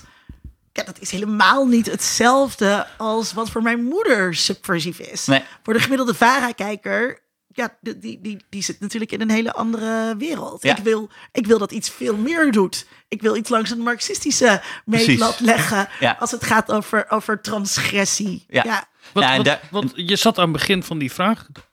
Hoe kalibreer je dan eigenlijk de mate van progressief of conservatieve... ja. Nou, hoe ik dat een beetje heb opgelost. Nou, ik denk in het, eh, het algemeen is denk ik dat, dat ik op een gegeven moment ook echt weer moest leren om weer. Maar ik denk dat voor iedere onderzoeker is op een gegeven moment ook weer met een soort eh, nieuwe nieuwsgierigheid en openheid naar je eigen materiaal te kijken. Eh, dus om niet inderdaad eh, iedereen langs de marxistische meetlat te leggen, eh, alleen maar en dan te denken van dit is allemaal verschrikkelijk. heet en- dat geloof ik in, in goed Nederlands. Ja. dus dat, en daar hebben mijn begeleiders ook wel erg bij geholpen. Maar ook wel om ehm, dat ik dacht, ja, wat ik eigenlijk wil, ik, ik, wat ik niet wil doen, is het, het, het, het gaat er niet om, om om het in hokjes te stoppen of om te zeggen van zoveel procent links is het cabaret of zo. Maar wat ik wel interessant vind, is om te kijken hoe resoneert humor met bepaalde politieke ideologieën en ideeën. Dus dat ben ik gaan proberen te onderzoeken. Van, en eh, ik denk dat daar ook een beetje die combinatie waar we het eerder over hadden tussen theaterwetenschap of cultural studies en, en, en sociologie in zit. Dat ik aan de ene kant heel erg tekst of eh, vormgericht onderzoek doe, waarin ik echt wil kijken of wilde kijken naar hoe wordt humor als retorische strategie ingezet in cabaretvoorstellingen. Maar ook heel erg naar eh, politieke en maatschappelijke context wilde kijken. Van wat is nou de context waarbinnen deze grappen gemaakt worden? En met welke politieke ideeën die leven op het moment dat het gemaakt wordt, eh, resoneert het? En, en dat ben ik gaan uitzoeken. Heb je Ehm, daarbij een corpus eh, gevormd? Wie zaten er in dat corpus? Zijn dat überhaupt alleen cabaretvoorstellingen? Of kijk je ook naar metateksten, zoals interviews over voorstellingen? Ja, het, eh, voornamelijk cabaretvoorstellingen, maar die, die metateksten zijn wel een steeds belangrijke rol gaan spelen. Juist ook omdat ik ook erachter wilde komen hoe er over cabaret gepraat en gedacht wordt. Dus eh, interviews en recensies zijn ook wel echt deel van het corpus. Eh, maar Maar echt, niet je eigen interviews, toch? nee, nee, dus echt media-interviews. Ja, ja. Eh, en, eh, maar, maar wel echt ter ondersteuning. En, en eh, om ook te kijken naar van wat is de. Eh, wat is eigenlijk de context waarbinnen dit, ook de artistieke context waarin deze voorstellingen gemaakt worden en hoe ze ontvangen worden en hoe er over gesproken wordt. Ehm, en eh, qua cabaretiers en voorstellingen, ik heb heel erg oeuvre-studies gedaan, dus ik heb bepaalde cabaretiers gekozen en daar ben ik echt oeuvres van gaan doorwerken. En ik wilde eigenlijk wat ik wilde doen, ik heb er echt voor gekozen om een deconstructie te ondernemen van de, de, de, de, de- het mainstream kritische cabaret. Dus er zitten heel veel witte, Wow, wow, wow. witte mannen in het onderzoek. mainstream kritische cabaret. ja? Ik ja? heb het idee dat het woord mainstream Even- echt het, het totaal daar- zijn onschuld heeft verloren in alle Even, vormen. nee, maar ik denk dat dat heel cruciaal is in dit verhaal. Ja. Nou, Oké, wie, wie zijn eh, dat? De belangrijkste makers zijn eh, op volgorde van in order of appearance. eh, Joep van het Hek, eh, Hans Steeuwen, Theo Maassen, eh, Wim Kam, eh, Claudia de Brij, ehm eh, Nederlands Hoop, Freek de Jonge, Micha Wertheim, eh, Wim Sonneveld en Alex Klaassen. Allemaal wit. En één vrouw. Allemaal wit en één vrouw. Ja, Ja. Maar een aanzienlijk corpus. ja. Maar ik denk ik, heel begrijpelijk eh, qua zichtbaarheid. En daar kunnen we van alles van vinden. Maar is denk Ja. ik wel deze namen die naar boven komen. Ja, zichtbaarheid en ook heel erg cabaretiers die dus de naam hebben om, om heel erg subversief en heel maatschappijkritisch te zijn. Want je hebt ook cabaretiers die dat wat minder Alex ook, ja. Ja, dat is, het is eigenlijk heel interessant, want ik begin in, in het onderzoek met, met Joep van het Hek en ik eindig met, met Alex Klaassen. Je, je kunt je bijna geen grotere afstand meer denken. Ja. En een van de belangrijkste conclusies, als ik die al mag spoilen, is toch Zeker, eigenlijk ja. wel... Mag nu. Ja, Ja, ja. ja, we komen daar. mag, Ja. het mag. Is dat eh, terwijl we denken vaak. Oké, het eigenlijk het belangrijkste punt van het proefschrift is: we denken vaak over de cabaret- cabaretiers na als progressieve rebellen. En dat heb ik in drie eh, aspecten onderverdeeld. Namelijk, we, we vinden vaak van cabaretiers dat ze geëngageerd zijn. Hmm. Eh, we vinden dat ze links zijn. En we vinden dat ze rebels zijn. Ehm, en, ehm, Wie zijn we eigenlijk? Want ik, ik heb de- al deze drie gedachten bij de namen die je noemt, heb ik in de afgelopen 15 jaar niet gehad. Ehm, nou ja, dan kom ik toch weer op die mainstream. Ja, de- het, het, het beeld wat. eh, Jij bent ook niet de mainstream, hè? Nee, ja, maar dat, dat is een serieus Nee, vraag. het is- want ja, het is ik, Nee, maar dat jongens, jij er... bent wel, ik bedoel, los van, ik wil de grapjes maken over dat je niet links bent, maar je bent natuurlijk wel een cultural studies onderzoeker die ook getraind Oké, maar is hoe... in... hoe ja, oké. Ja, nou, ik denk dat dat inderdaad wel cruciaal is. Ja, dus een, een beetje inderdaad eh, eh, het beeld dat oprijst uit de recensies, eh, uit interviews, uit wat er gezegd wordt als iemand eh, in een talkshow zit, Ja. eh, wat je buurman erover zegt. Eh, dat is eigenlijk een beetje het. eh, en, en, en heel erg diep gewortelde ideeën, die dus ook terug te voeren zijn op de jaren zestig, van hoe we over cabaret praten en waar we vinden dat het aan moet voldoen. Ehm, dus bijvoorbeeld nog niet zo lang geleden was Diederik Smit, die eh, stukken voor de Speld ook Ja, eh, ja. schrijft, eh, die noemde zichzelf de eerste rechtse cabaretier van Nederland. Eh, en daarmee dus vanuit christelijk is hij ook, toch? ja, er dus van uitgaan dat er geen Ja. linkse cabaretiers zijn geweest. En dat werd in de, dat werd in de Geen rechtse cabaretiers eerder. sorry, dat Ja. er eerder geen rechtse cabaretiers zijn geweest. En dat is een heel oud idee. Eh, dus dat is, dat is het beeld waar ik mee, vanuit vertrok. Of dat eh, rechtse mensen geen humor hebben. dat vaak gezegd. Ja, ja. En ehm, eigenlijk was mijn conclusie dat er bepaalde cabaretiers zijn die zichzelf heel erg profileren als progressieve rebellen. En dat daar zo'n Joep van het Hek een heel goed voorbeeld van is. Dus in die zin klopt het helemaal dat we daarmee begonnen eigenlijk als een soort boegbeeld van, die, van ook nou, mijn onderzoek, maar ook voor die, die cabarettraditie.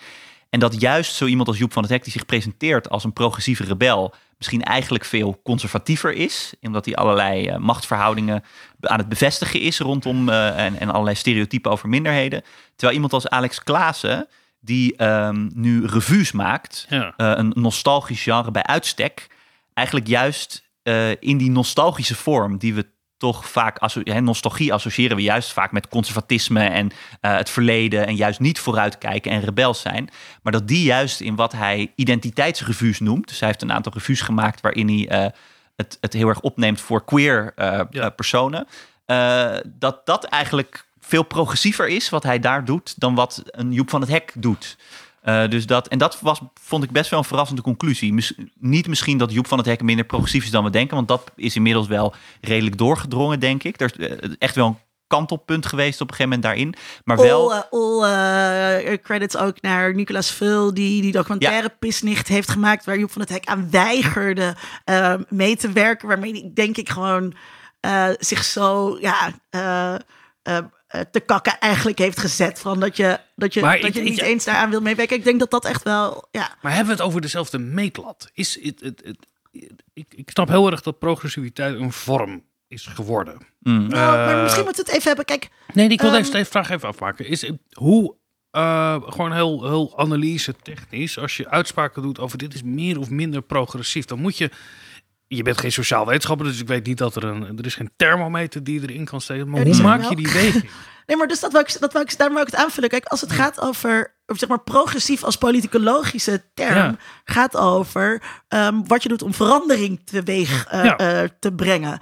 Uh, en dat maakt ook, en we stellen altijd progressief gelijk aan links ja. en conservatief aan rechts, terwijl dat is helemaal niet zo.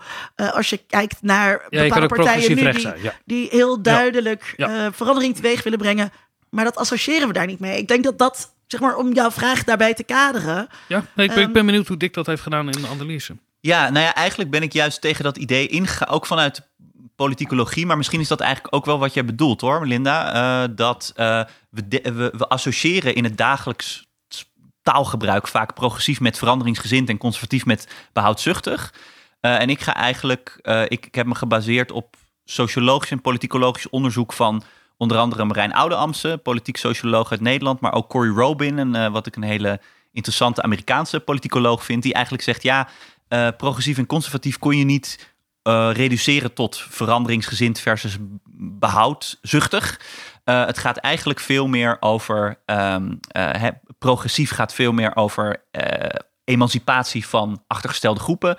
Terwijl conservatisme als politieke uh, beweging en als ideeënstelsel veel meer gaat over uh, het verdedigen van bepaalde hiërarchieën uh, en machtsverhoudingen. Ja. Status quo in die zin. Ja, en dat is heel erg, als je het dan toch hè, over een meetlat zou willen hebben, dat is een beetje de, ja. de, de, meetlat geweest. En wat heel interessant is, en daar heb ik weer heel erg naar een veranderende context ook gekeken, is dat je dus juist ziet dat um, waar we transgressie en het overschrijden van grenzen, dus van oudsher heel erg, juist omdat het dus gaat over uh, ergens tegenaan schoppen en dingen willen veranderen, uh, uh, schijnbaar. Daar, daarom associëren wij dat overschrijden van grenzen vaak met progressiviteit. Maar wat je in de laatste jaren ziet, nou, we hadden het net, we noemden net al even Baudet en dat soort politie, dat eigenlijk als stijl is transgressie geclaimd door ja, veel meer conservatieve.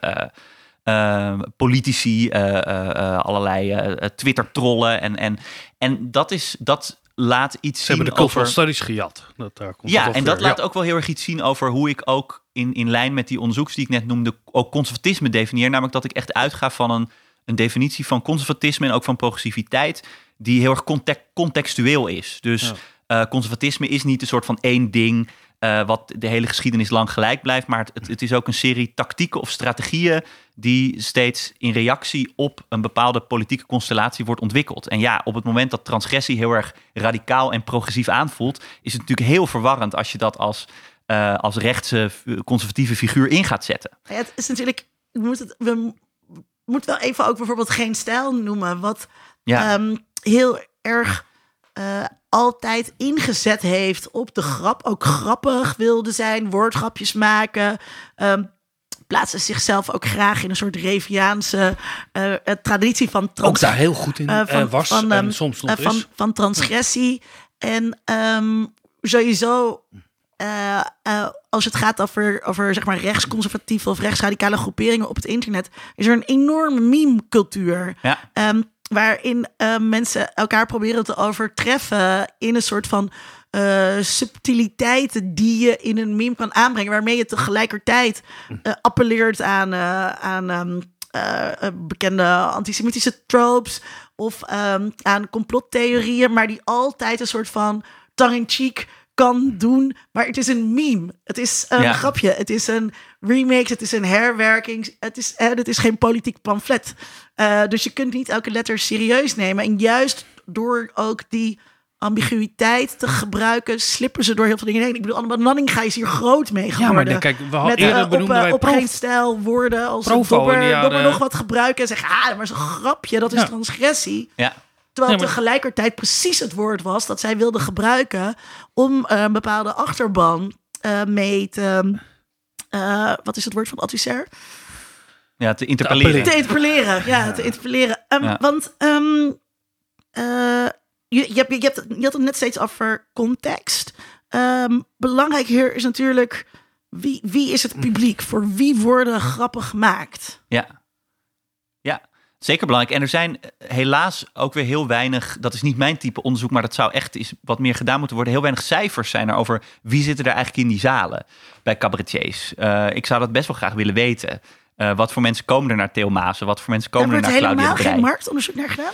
Nee, niet dat ik weet. Ik heb wel eens iets gelezen hoe groot die markt is. En ik, ik, ik, de, grote cabaretiers die jij noemt, dat, die, die, die, dat is relatief goedkoop ten opzichte van de omzetten die zij draaien. Eh, Ja, eh, ja. Het is een hele grote industrie. Ja, het is een hele grote industrie. En, ja, en kijk, er is natuurlijk wel wat te zeggen over wat... Nou, als je veel naar cabaret toe gaat, dan kun je wel een beetje in de zalen observeren. Je kunt wel een soort patronen zien. Dus je Maar ziet... gemiddelde, tenminste een, een, een, een populaire cabaretier in Nederland verdient veel meer dan een populaire popster, om maar eens iets te Ah, noemen. zo. Ja, ja, ja.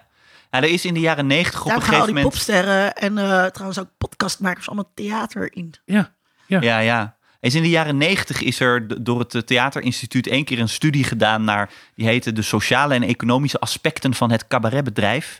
Lekker, Eh, eh, ja, jaren zeventig. heerlijk, heerlijk. Ja, ja. En daar is een beetje in kaart gebracht, maar de- vooral inderdaad ook het financiële en het maar cabaretpubliek. Het is naar mijn weten, maar het is ook helemaal niet helemaal mijn tak van onderzoek, mijn tak van sport, maar is niet goed in kaart gebracht. Wat we wel weten is, eh, of, of wat je gewoon ziet als je naar zalen gaat, wat gewoon opvalt, is dat cabaretiers over het algemeen erg voor hun eigen generatie spelen. Eh, dus je ziet publiek ook vaak mee, meegaan met. En überhaupt dat, dat cabaretiers vaak spelen voor mensen die een, een, eenzelfde soort identiteit hebben. Dus ja, als er mensen van kleur spelen, cabaretiers van kleur, dan zitten er ook meer mensen van kleur in de zaal. Terwijl bij witte cabaretiers het publiek over het algemeen ook erg wit is. Ehm, maar goed, dat is allemaal niet zo, misschien niet zo heel spannend, maar dat, is, eh, dat, dat weten we wel. Maar bijvoorbeeld qua politieke voorkeur of zo, ben, zou ik best wel benieuwd zijn naar wat, eh, hoe, hoe zit dat eigenlijk met het publiek? Want daar kun je wel allerlei uitspraken over doen, maar dat is heel lastig. Maar eh, wat ik in mijn onderzoek heb gedaan, ik was niet zozeer ge- geïnteresseerd in dat onderzoek in wie zit er feitelijk in de zaal, maar meer op wat is, nou ja, zo, zo maar even zeggen, de ideale toeschouwer. Of, of hoe wordt er een bepaalde, hoe worden, wel, tot welke interpretaties nodigen cabaretiers uit met hun humor. Dus echt heel erg kijken naar hoe werkt humor retorisch. En? Wat, Nou- eh, hoe open is die betekenisgeving? Nou, een van de centrale punten is eigenlijk, eh, en ik denk dat dat ook de belangrijkste bijdrage is, ook aan debatten binnen culture. Nou ja, er zijn meer bijdrages, maar een, be- een belangrijke bijdrage aan debatten binnen cultural studies ook. Ik denk dat het minder open is dan we vaak denken. Dus een van de centrale punten die ik maak Binnen is wel... cultural studies eh, houden we heel erg van het idee betekenisgeving is vrij. Ja. Mensen eh, kunnen subversieve betekenissen ergens in lezen. Kunnen, maar doen dat niet altijd. En wat jij vindt is dat dat dus wel mee, meevalt. Die, ehm, Ja, dat als je, eh, hè, want eh, en, en voor humor geldt het misschien nog wel sterker dan voor andere culturele eh, eh, objecten. Dat ja, humor wordt gezien als zo ambivalent en zo glibberig. Dat ja, dat is natuurlijk bij uitstek wel een vorm waar je ja, allemaal je eigen betekenis aan En kan open geven. tekst, ja. Een open tekst. Eh, en eh, ja, eh, wat, waar ik eigenlijk op uitkwam is, nou ja, dat valt eigenlijk wel mee. En er zijn denk ik twee gevaren aan Maar humor. hoe als weet je dat? Wa- Waarom, het- als je geen, want je hebt geen publieksonderzoek. gedaan. Nee, ik heb geen publieksonderzoek gedaan. Dus het kan zeker dat, dat er verschillende publieken of, of toeschouwers verschillende betekenissen toekennen. Maar wat je wel kunt laten zien, en wat ik heb geprobeerd te laten zien, is dat als je eh, humor retorisch analyseert, kun je wel kijken naar bepaalde, eh, heb- eh, hoe op bepaalde interpretaties aangestuurd wordt. En dan kun je ook zien, bijvoorbeeld, dat sommige humor dat ambiguur is of ambivalenter is dan andere humor. Ja. En wat denk ik een gevaar is van te veel nadruk leggen op die ambiguïteit van humor. Um, behalve dat het dus vaak, uh, vaak leidt tot een soort gebrek aan precisie, waarin je ervan uitgaat dat iedereen maar alle betekenissen toe kan kennen aan die humor, is een gevaar ervan ook dat eh, er best wel eh, een neiging bestaat om de interpretatie van humor ook toe te redeneren naar je eigen politieke en ideologische achtergrond. Uh, en uh, dat uh, er dus. Het, het, is met humor, juist omdat het als zo ambivalent gezien wordt, heel makkelijk om te zeggen. Ja, maar zo bedoelde deze cabaretier het niet. Ja, het, het, is, het, is veel, het, het, is eigenlijk veel subversiever dan, dan de critici het nu bijvoorbeeld do, doen voorkomen. Terwijl als je dan gaat kijken naar, maar oké, okay, maar op welke boodschap of interpretatie wordt er hier eigenlijk aangestuurd, dan kun je zien dat bepaalde interpretaties veel plausibeler zijn dan andere. Bij, bij, die, bij die hè, van, van Joep van het Hek, dan. dan hij begint al. Uh, en sowieso, hij is degene op het podium die staat te zenden. Hij heeft de macht. Hij heeft ook de macht om mensen die afwijken in de maling of uh, in de zijk te nemen. Mensen op de eerste rij. Uh, dat een beetje. Hè? Dus, dus het is heel erg de bedoeling dat, hij, dat de zaal met hem meegaat. En je, kunt, je kan niets anders dan met hem eigenlijk meelachen over. Ja, dat is echt loezerig. Ja, maar is het, is het niet zo... bier drinken. En dat is helemaal geen, inderdaad geen open uh, interpretatie. We worden helemaal niet uitgenodigd. Nee, maar ik geloof dat die tekst... Om zelf eerst eens na te denken ja, humor over en ironie. is. Hij begint al ja. met, weet je wat ik echt losers vind? Ja, dit, is de, dit is de interpretatie die je nu moet hebben over de groep. Maar, mag ik, een poging doen? Uh, het, het, het, als we open teksten hebben, tenminste, je kan wel vanuit cultural studies denken: God, is een open tekst, want ironie, er zit een dubbele betekenis. Maar er is maar één betekenis waarop je een leuke avond hebt. Ja, nou, dat weet ik, dat weet ik niet. Want het, Tenminste, dat je gaat lachen. Want, dat, nou ja, maar we, je kunt om heel verschillende dingen lachen. Je hebt een kutavond als je daar zat en dacht... Wat een eikel is die Joep van het Hek. Het is heel belangrijk dat er alcohol nou, ik had dus die hebben gekeken. Uh, ge, geschonken uh, wordt. En dan heb je daar een kutavond. En dan ga je niet meer, Ja. terug, naar, dan ga je niet meer terug naar Joep van het Hek. En dan haak je af. Ja, en, en dat zit hem niet alleen in, de, in de, hoe je betekenis geeft. Nou ja, met de betekenisgeving positioneer je je ook ten opzichte van waar de grappen over gaan. Mhm. Ik ben ook iemand die zegt, als ik vanavond naar Parijs wil, dan ga ik gewoon. Ik ben geen tuttige man die buckler drinkt en wat dan ook. Weet je wel, ik ben ook anders. Ik ben net als Joep. En dan ga ik ook lachen om de grap dat er sukkels zijn bij mij in het dorp. Dat, dat, Ja. Die uitnodiging. alleen maar rode wijn. Maar- Ja, precies. Misschien is die, En, misschien is die, eh, Joep, die bucklergrap is wel een goed voorbeeld om het aan de hand waarvan ik het uit kan leggen. Want eh, wat jij eerder al zei, Linda, was dat, dat Joep van het Hek, dat wordt vaak vergeten. Natuurlijk, als, je, als er van die bekende cabaretfragmentjes of momenten uit geschiedenis zijn, dan worden die vaak een beetje uit hun context gehaald. Dus als het nu om Buckler gaat, dan gaat het eigenlijk alleen maar over de cabaretier die zich tegen heldhaftig tegen het, tegen het, eh, het grootkapitaal keert en tegen een merk. En die zelfs, want dat is nog altijd de, iets waarvan we niet helemaal zeker weten of het de mythe is of werkelijkheid is, maar dat hij eh, dat alcoholvrije biertje Buckler eh, eigenlijk in Nederland althans eh, uit de schappen heeft gehaald met die ene conferentie uit 1989 op Oudejaarsavond, waar eh, een heel groot deel van Nederland naar keek. Maar wat vaak vergeten wordt en wat jij aanhaalde, was dat eh, die grappen over Buckler voortkomen uit een langere conferentie waarin hij kritiek levert op Ria Lubbers. En Ria Lubbers had toen net in dat jaar, dus de, vrouw van de CDA-premier Ruud Lubbers toen, die had net aangekondigd dat ze wel een kroegje wilde beginnen in Rotterdam. Ze dacht erover om een eigen café te openen. En eh, Ria Lubbers kreeg vaker kritiek op het feit dat zij best wel actief was. Dus zij organiseerde ook allerlei eh, bijeenkomsten voor, de, voor de vrouwen van, van politici. En daar kreeg ze best veel kritiek op. En dat sentiment, daar speelde Joep van het Hek op in. Door de grap te maken van, nou ja, als Ria Lubbers een kroegje begint... is binnen een uur de hele bar aan de buckler. En toen begon hij een, een rant tegen de bucklerdrinker... die daar staat met zijn autosleutels te zwaaien... die niet gewoon lekker dronken wil worden. En En, En- en, hij, hij, omdat het zo ingebed is in die eh, grap over Ria Lubbers, waarbij, die, waarbij wat ik net zei, ik zie echt gewoon, ik zie gewoon vrouwenhaat, ja, wat daarachter zit. Waarbij die dus ook nog eens een keertje dus, eh, hij castreert zeg maar eh buckler drinkende mannen. Hij maakt van die Ja. buckler drinkende mannen, maakt hij eigenlijk een soort van eh, Ria Lubbers. ja, dat ze, En dat is ook ja. gewoon. Dus echte daar mannen, echte mannen drinken ja, bier. echte mannen drinken. Nou, dat- dat- Maar ik drinken zou- echte mannen ik- ik- slaan hun vrouw, denk ik dan. Nee, ja, maar het, als, ik, het- het- als ik even terug ga naar Joep van Dijk, er zit inderdaad een enorme, langdurige eh eh castratieangst verhaal in. Ja. over In de mannen die verwijzing- hardlopen. Je, lijkt op een vrouw als je als man dat doet. Ja, Eh, de- maar- het baardje hier als Het pratende ringbaardje als kut. pratende kut. Ja, Ja, het zijn ook, Het is heel fascinerend. Dus ja. er zit een heel diep... Vrouwenhaat, dat is dus vrouwenhaat. Een psychoanalyticus die zou nog eens... Ja, een psychoanalytische feminist. Dat is Ja. een beetje uit, geloof ik. Vrouwenhaat. Is een beetje- Vrouwenhaat Dat zou.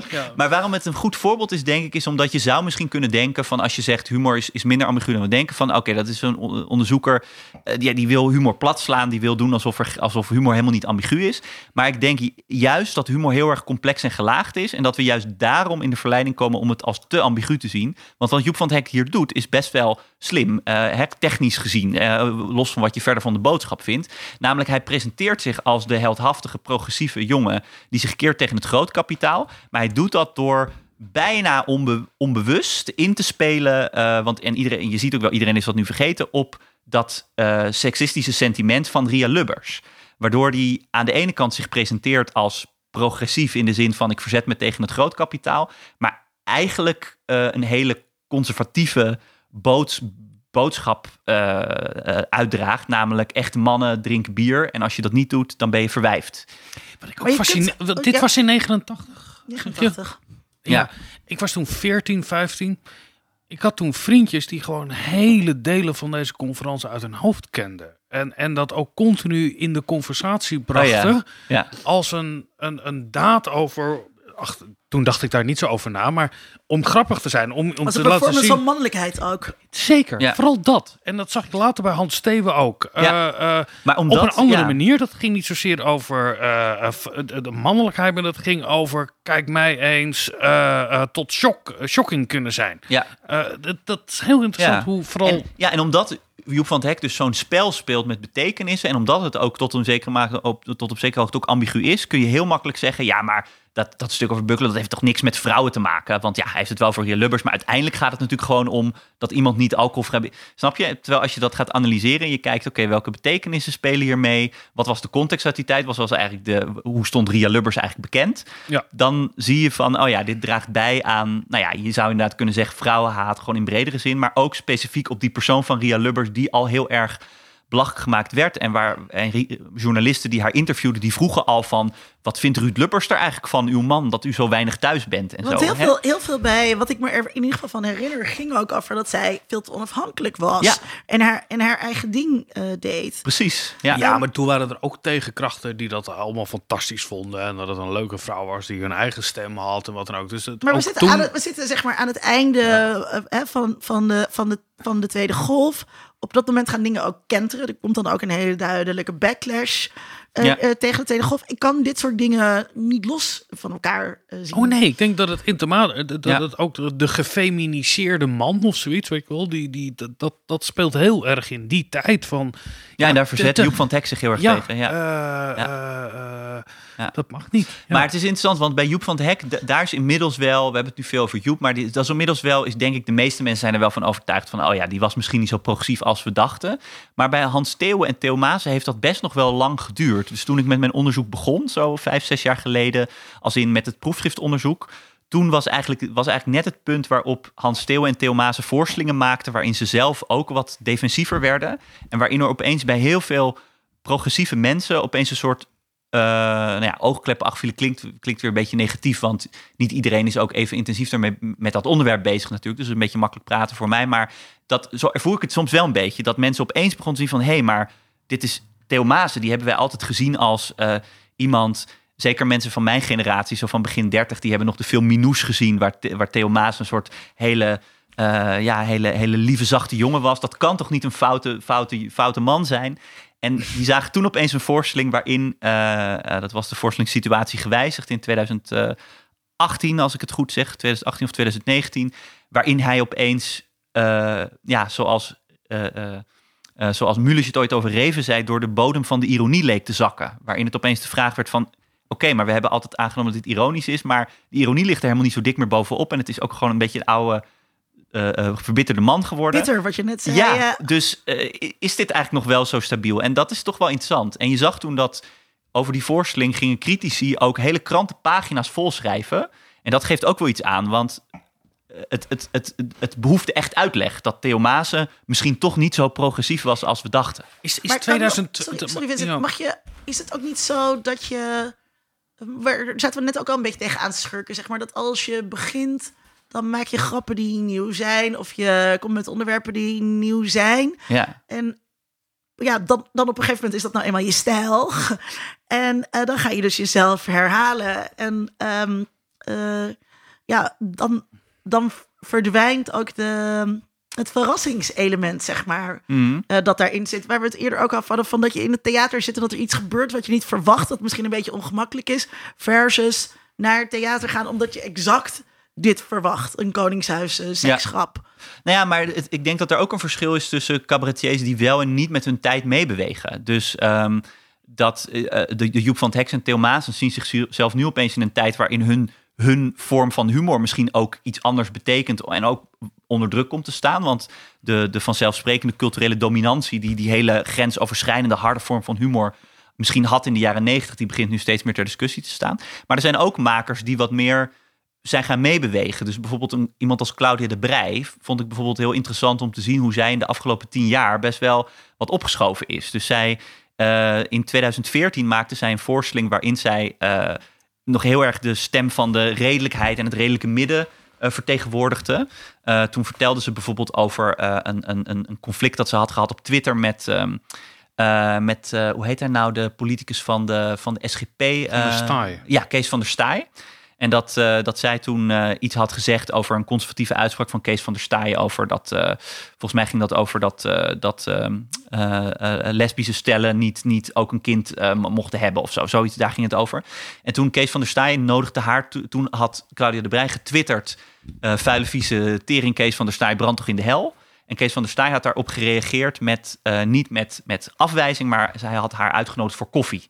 De andere wang, ja. De andere wang, Ja. dat heeft ze toen aangenomen. En zij vertelde in die voorstelling uit 2014 toen over hoe fantastisch dat was om met hem koffie te gaan drinken. En hoe hij toch eigenlijk de redelijke partij was geweest. En zij zich toch eigenlijk een beetje vergist had, ook al waren ze het niet helemaal eens. En ze had toen ook een, eh, een, een conferentie in diezelfde voorstelling over Zwarte Piet. eh, en Quincy Gario, die eh, zij toen eigenlijk afschilderde als een beetje vervelende zeikert. En in haar oudejaarsconferentie van 2019 eh, waren die rollen helemaal omgedraaid. Dus toen vertelde ze over hoe zij zich gedistanceerd had van Kees van der Staaij.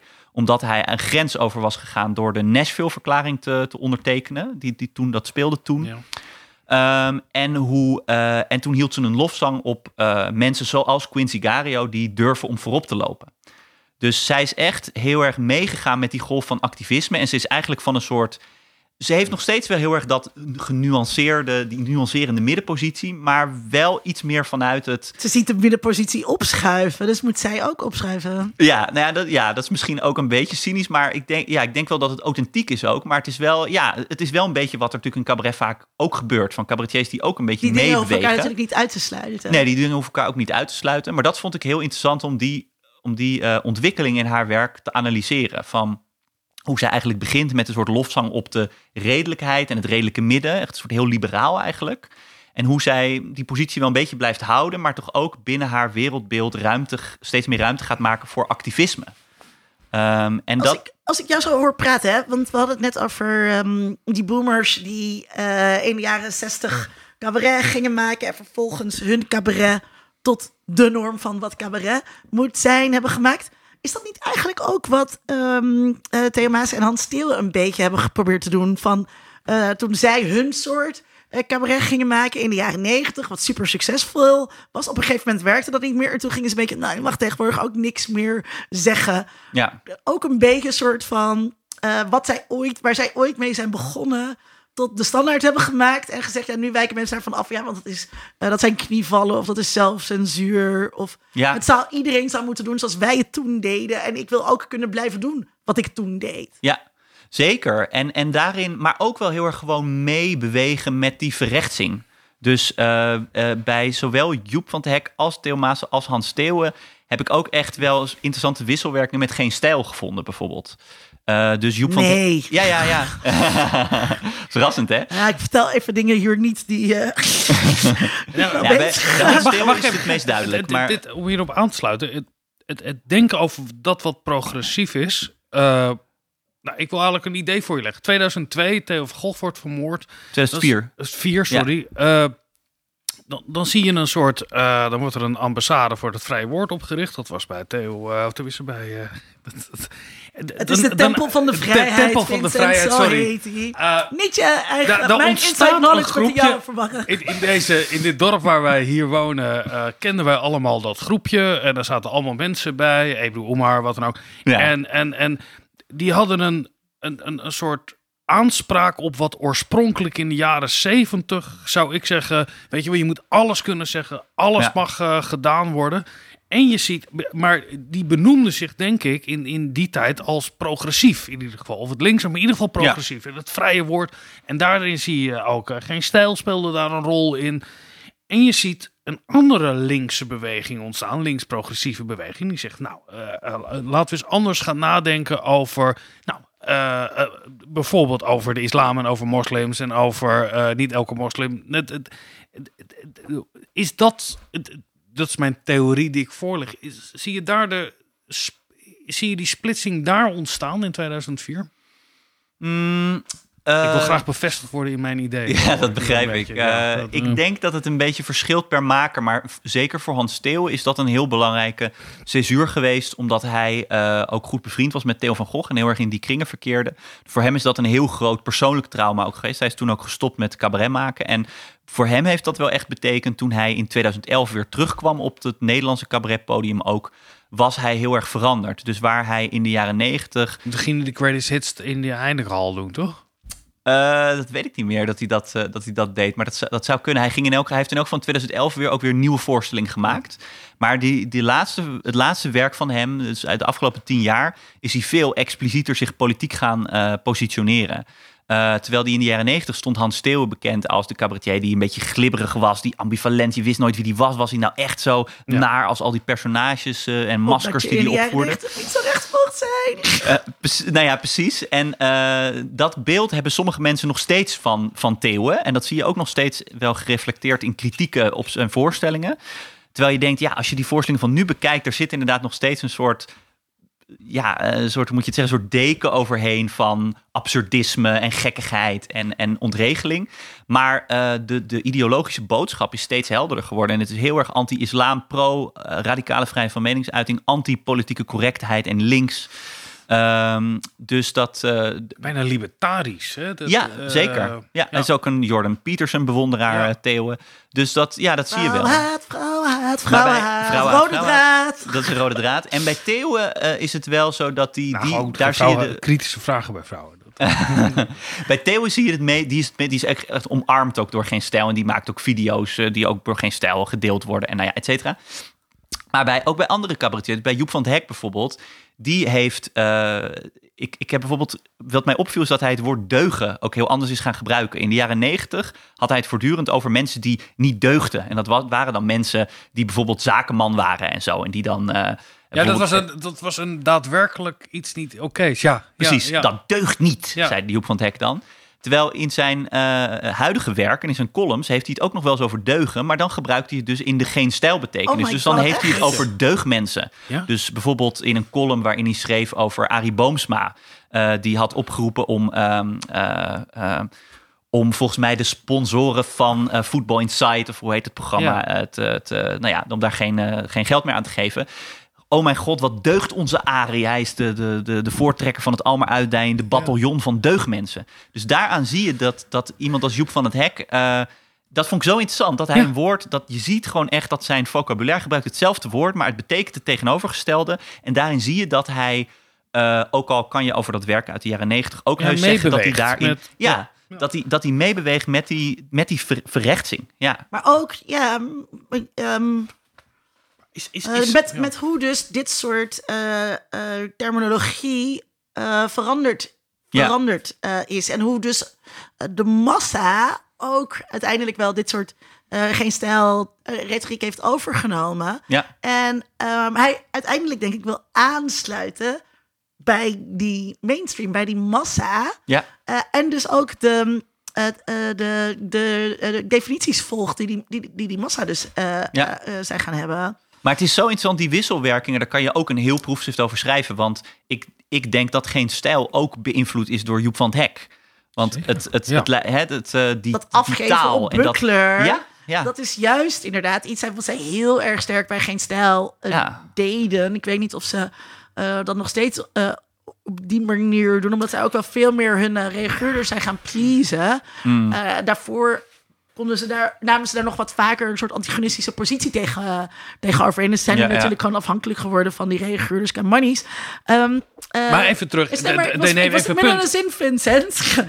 Vincent, ik zit midden in de zin. Dat, eh, nou ben ik ook helemaal kwijt. Nou, dan moet je even nadenken. Dan ga ik wel even. Dat, dat- dat idee van Joep van het Hek die dan weer op geen stijl. Maar Joep van het Hek, wat, wat we eerder zeiden, is dat. Er is een conferentie van Freek de Jonge die het heeft over Sporthuis Centrum. Wat volgens mij nu eh, eh, Central Park, zo heet dat nu? eh Central eigenlijk. heet. Ah, ja, ja, ja. ja. Dat mensen daar naartoe gaan en Ja, dan is het water wat je bedoelt. 37 klein nulletje C en wat Ja. dan ook. Die hele toon en 82, die hele manier waarop hij dat doet. Ja, dat is, dat is een blauwdruk geweest voor, voor Joep van het Hek over hoe hij die daarna... En daarna de blauwdruk voor, voor, voor Stijl. Daar heeft hij iets in gang gezet...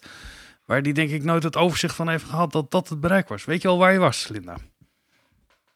Nee, maakt niet uit. Ehm, welke ideologieën ben je nou eigenlijk tegengekomen in dat, in dat eh, mainstream cabaret dat Ehm, je hebt onderzocht? Nou, wat ik eigenlijk een hele interessante vondst vond, was dat bepaalde humorstijlen ook wel, eh, in elk geval op het basis van het beperkte korps wat ik dan onderzocht heb, dat bepaalde humorstijlen ook wel met bepaalde politieke... Humorstijlen, wat bedoel je? Eh, nou ja, wat ik met humorstijlen bedoel, is eigenlijk eh, bepaalde vormen van humor. Dus we, hadden het, hè, we hebben het gehad over, over Joep van Hek en Theo Maassen. Ja, dat is duidelijk hele provocerende, hele harde humor. Dat is weer anders dan een Claudia de Brij, die eh, veel meer op de nuance en de redelijkheid en ook het verbindende en het bruggenbouwen.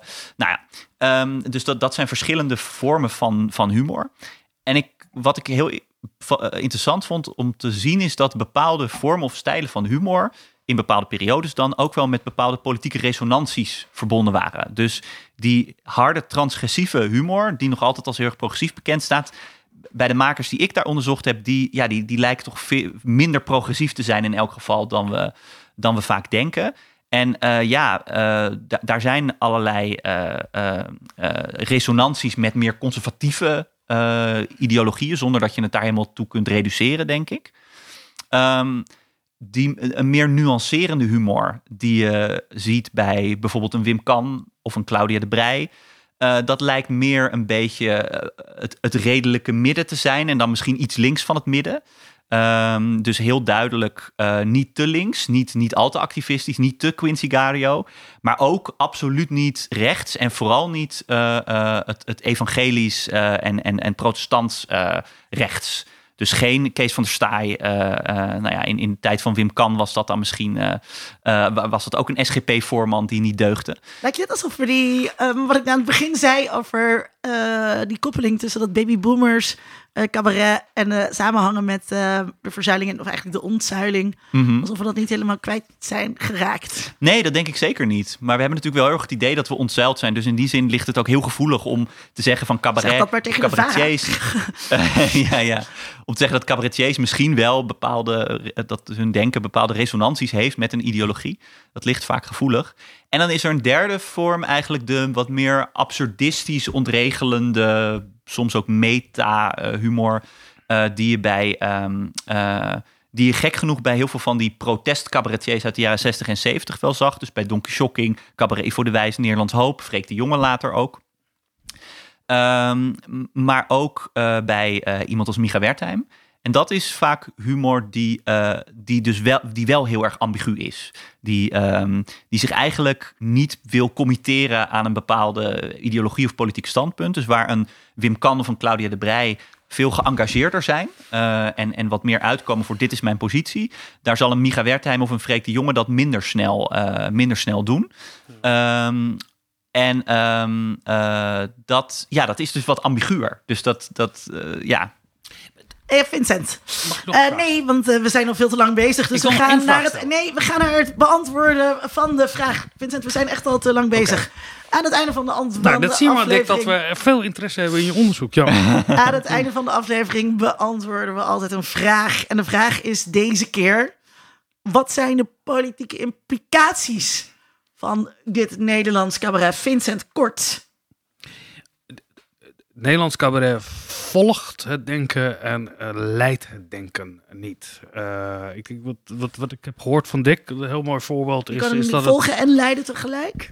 Nee, het is, ze volgen eigenlijk de politieke trend. Dus ze volgen waar het publiek naar wil. En, en de veronderstelling die, denk ik, in de jaren zestig heel sterk was... van, goh, dat zijn toch ook een beetje de leidsmensen... die ons nieuwe inzichten geven. Ik geloof niet dat dat waar is. En uh, de, vraag die ik nog wilde stellen is: kijk, als, die infrast als we links hebben, dan zou de infrastructuur ook moeten meebewegen. En dat zie je ook. Je ziet dat de infrastructuur waar cabaret is zich heel makkelijk meebeweegt in wat er op het toneel wordt gedaan. Dus uh, om antwoord te geven aan de vraag: ja, nee, uh, cabaret is volgend aan de politiek en niet leidend.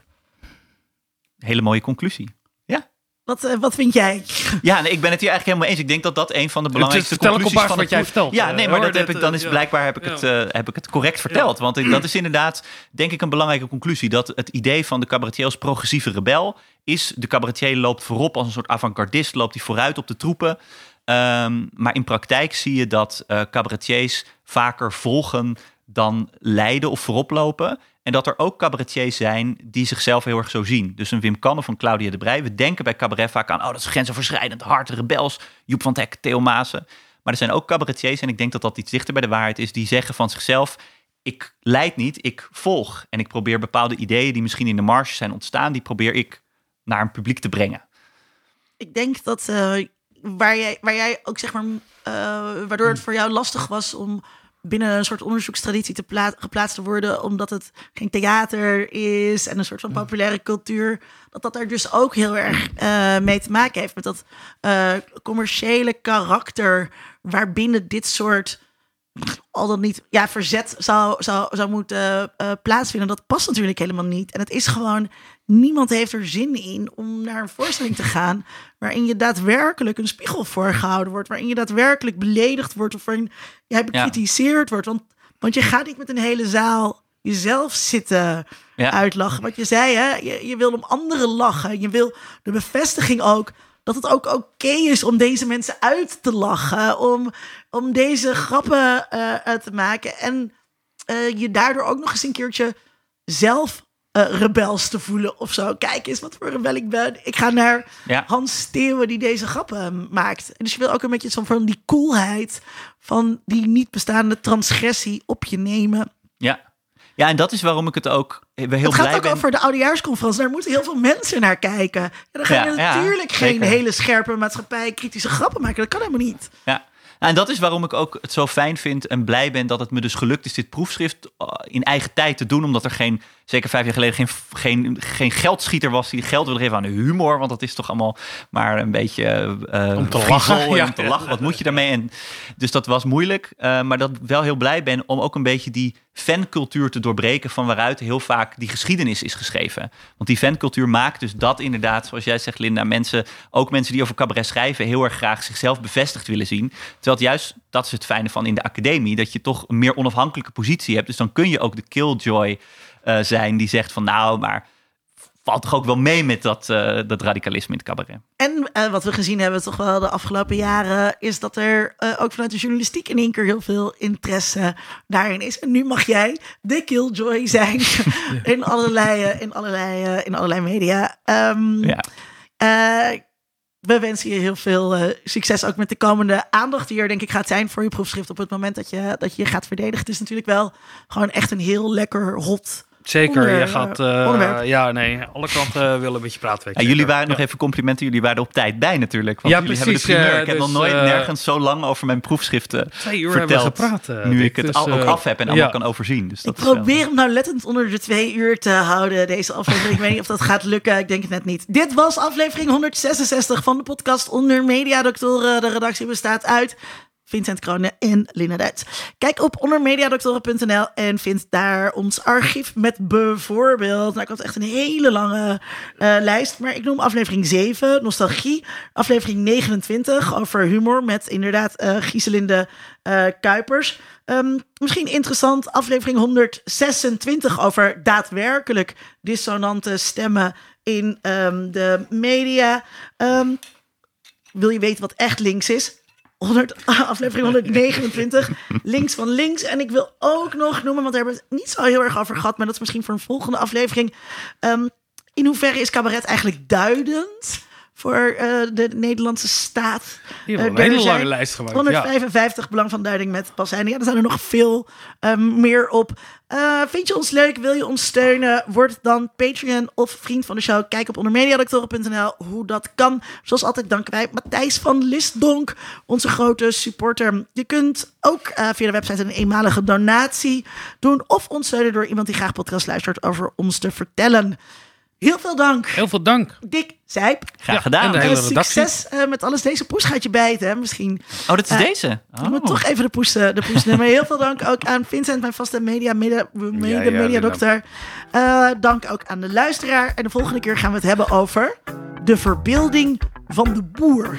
Zin Heel in. graag. Tot dan.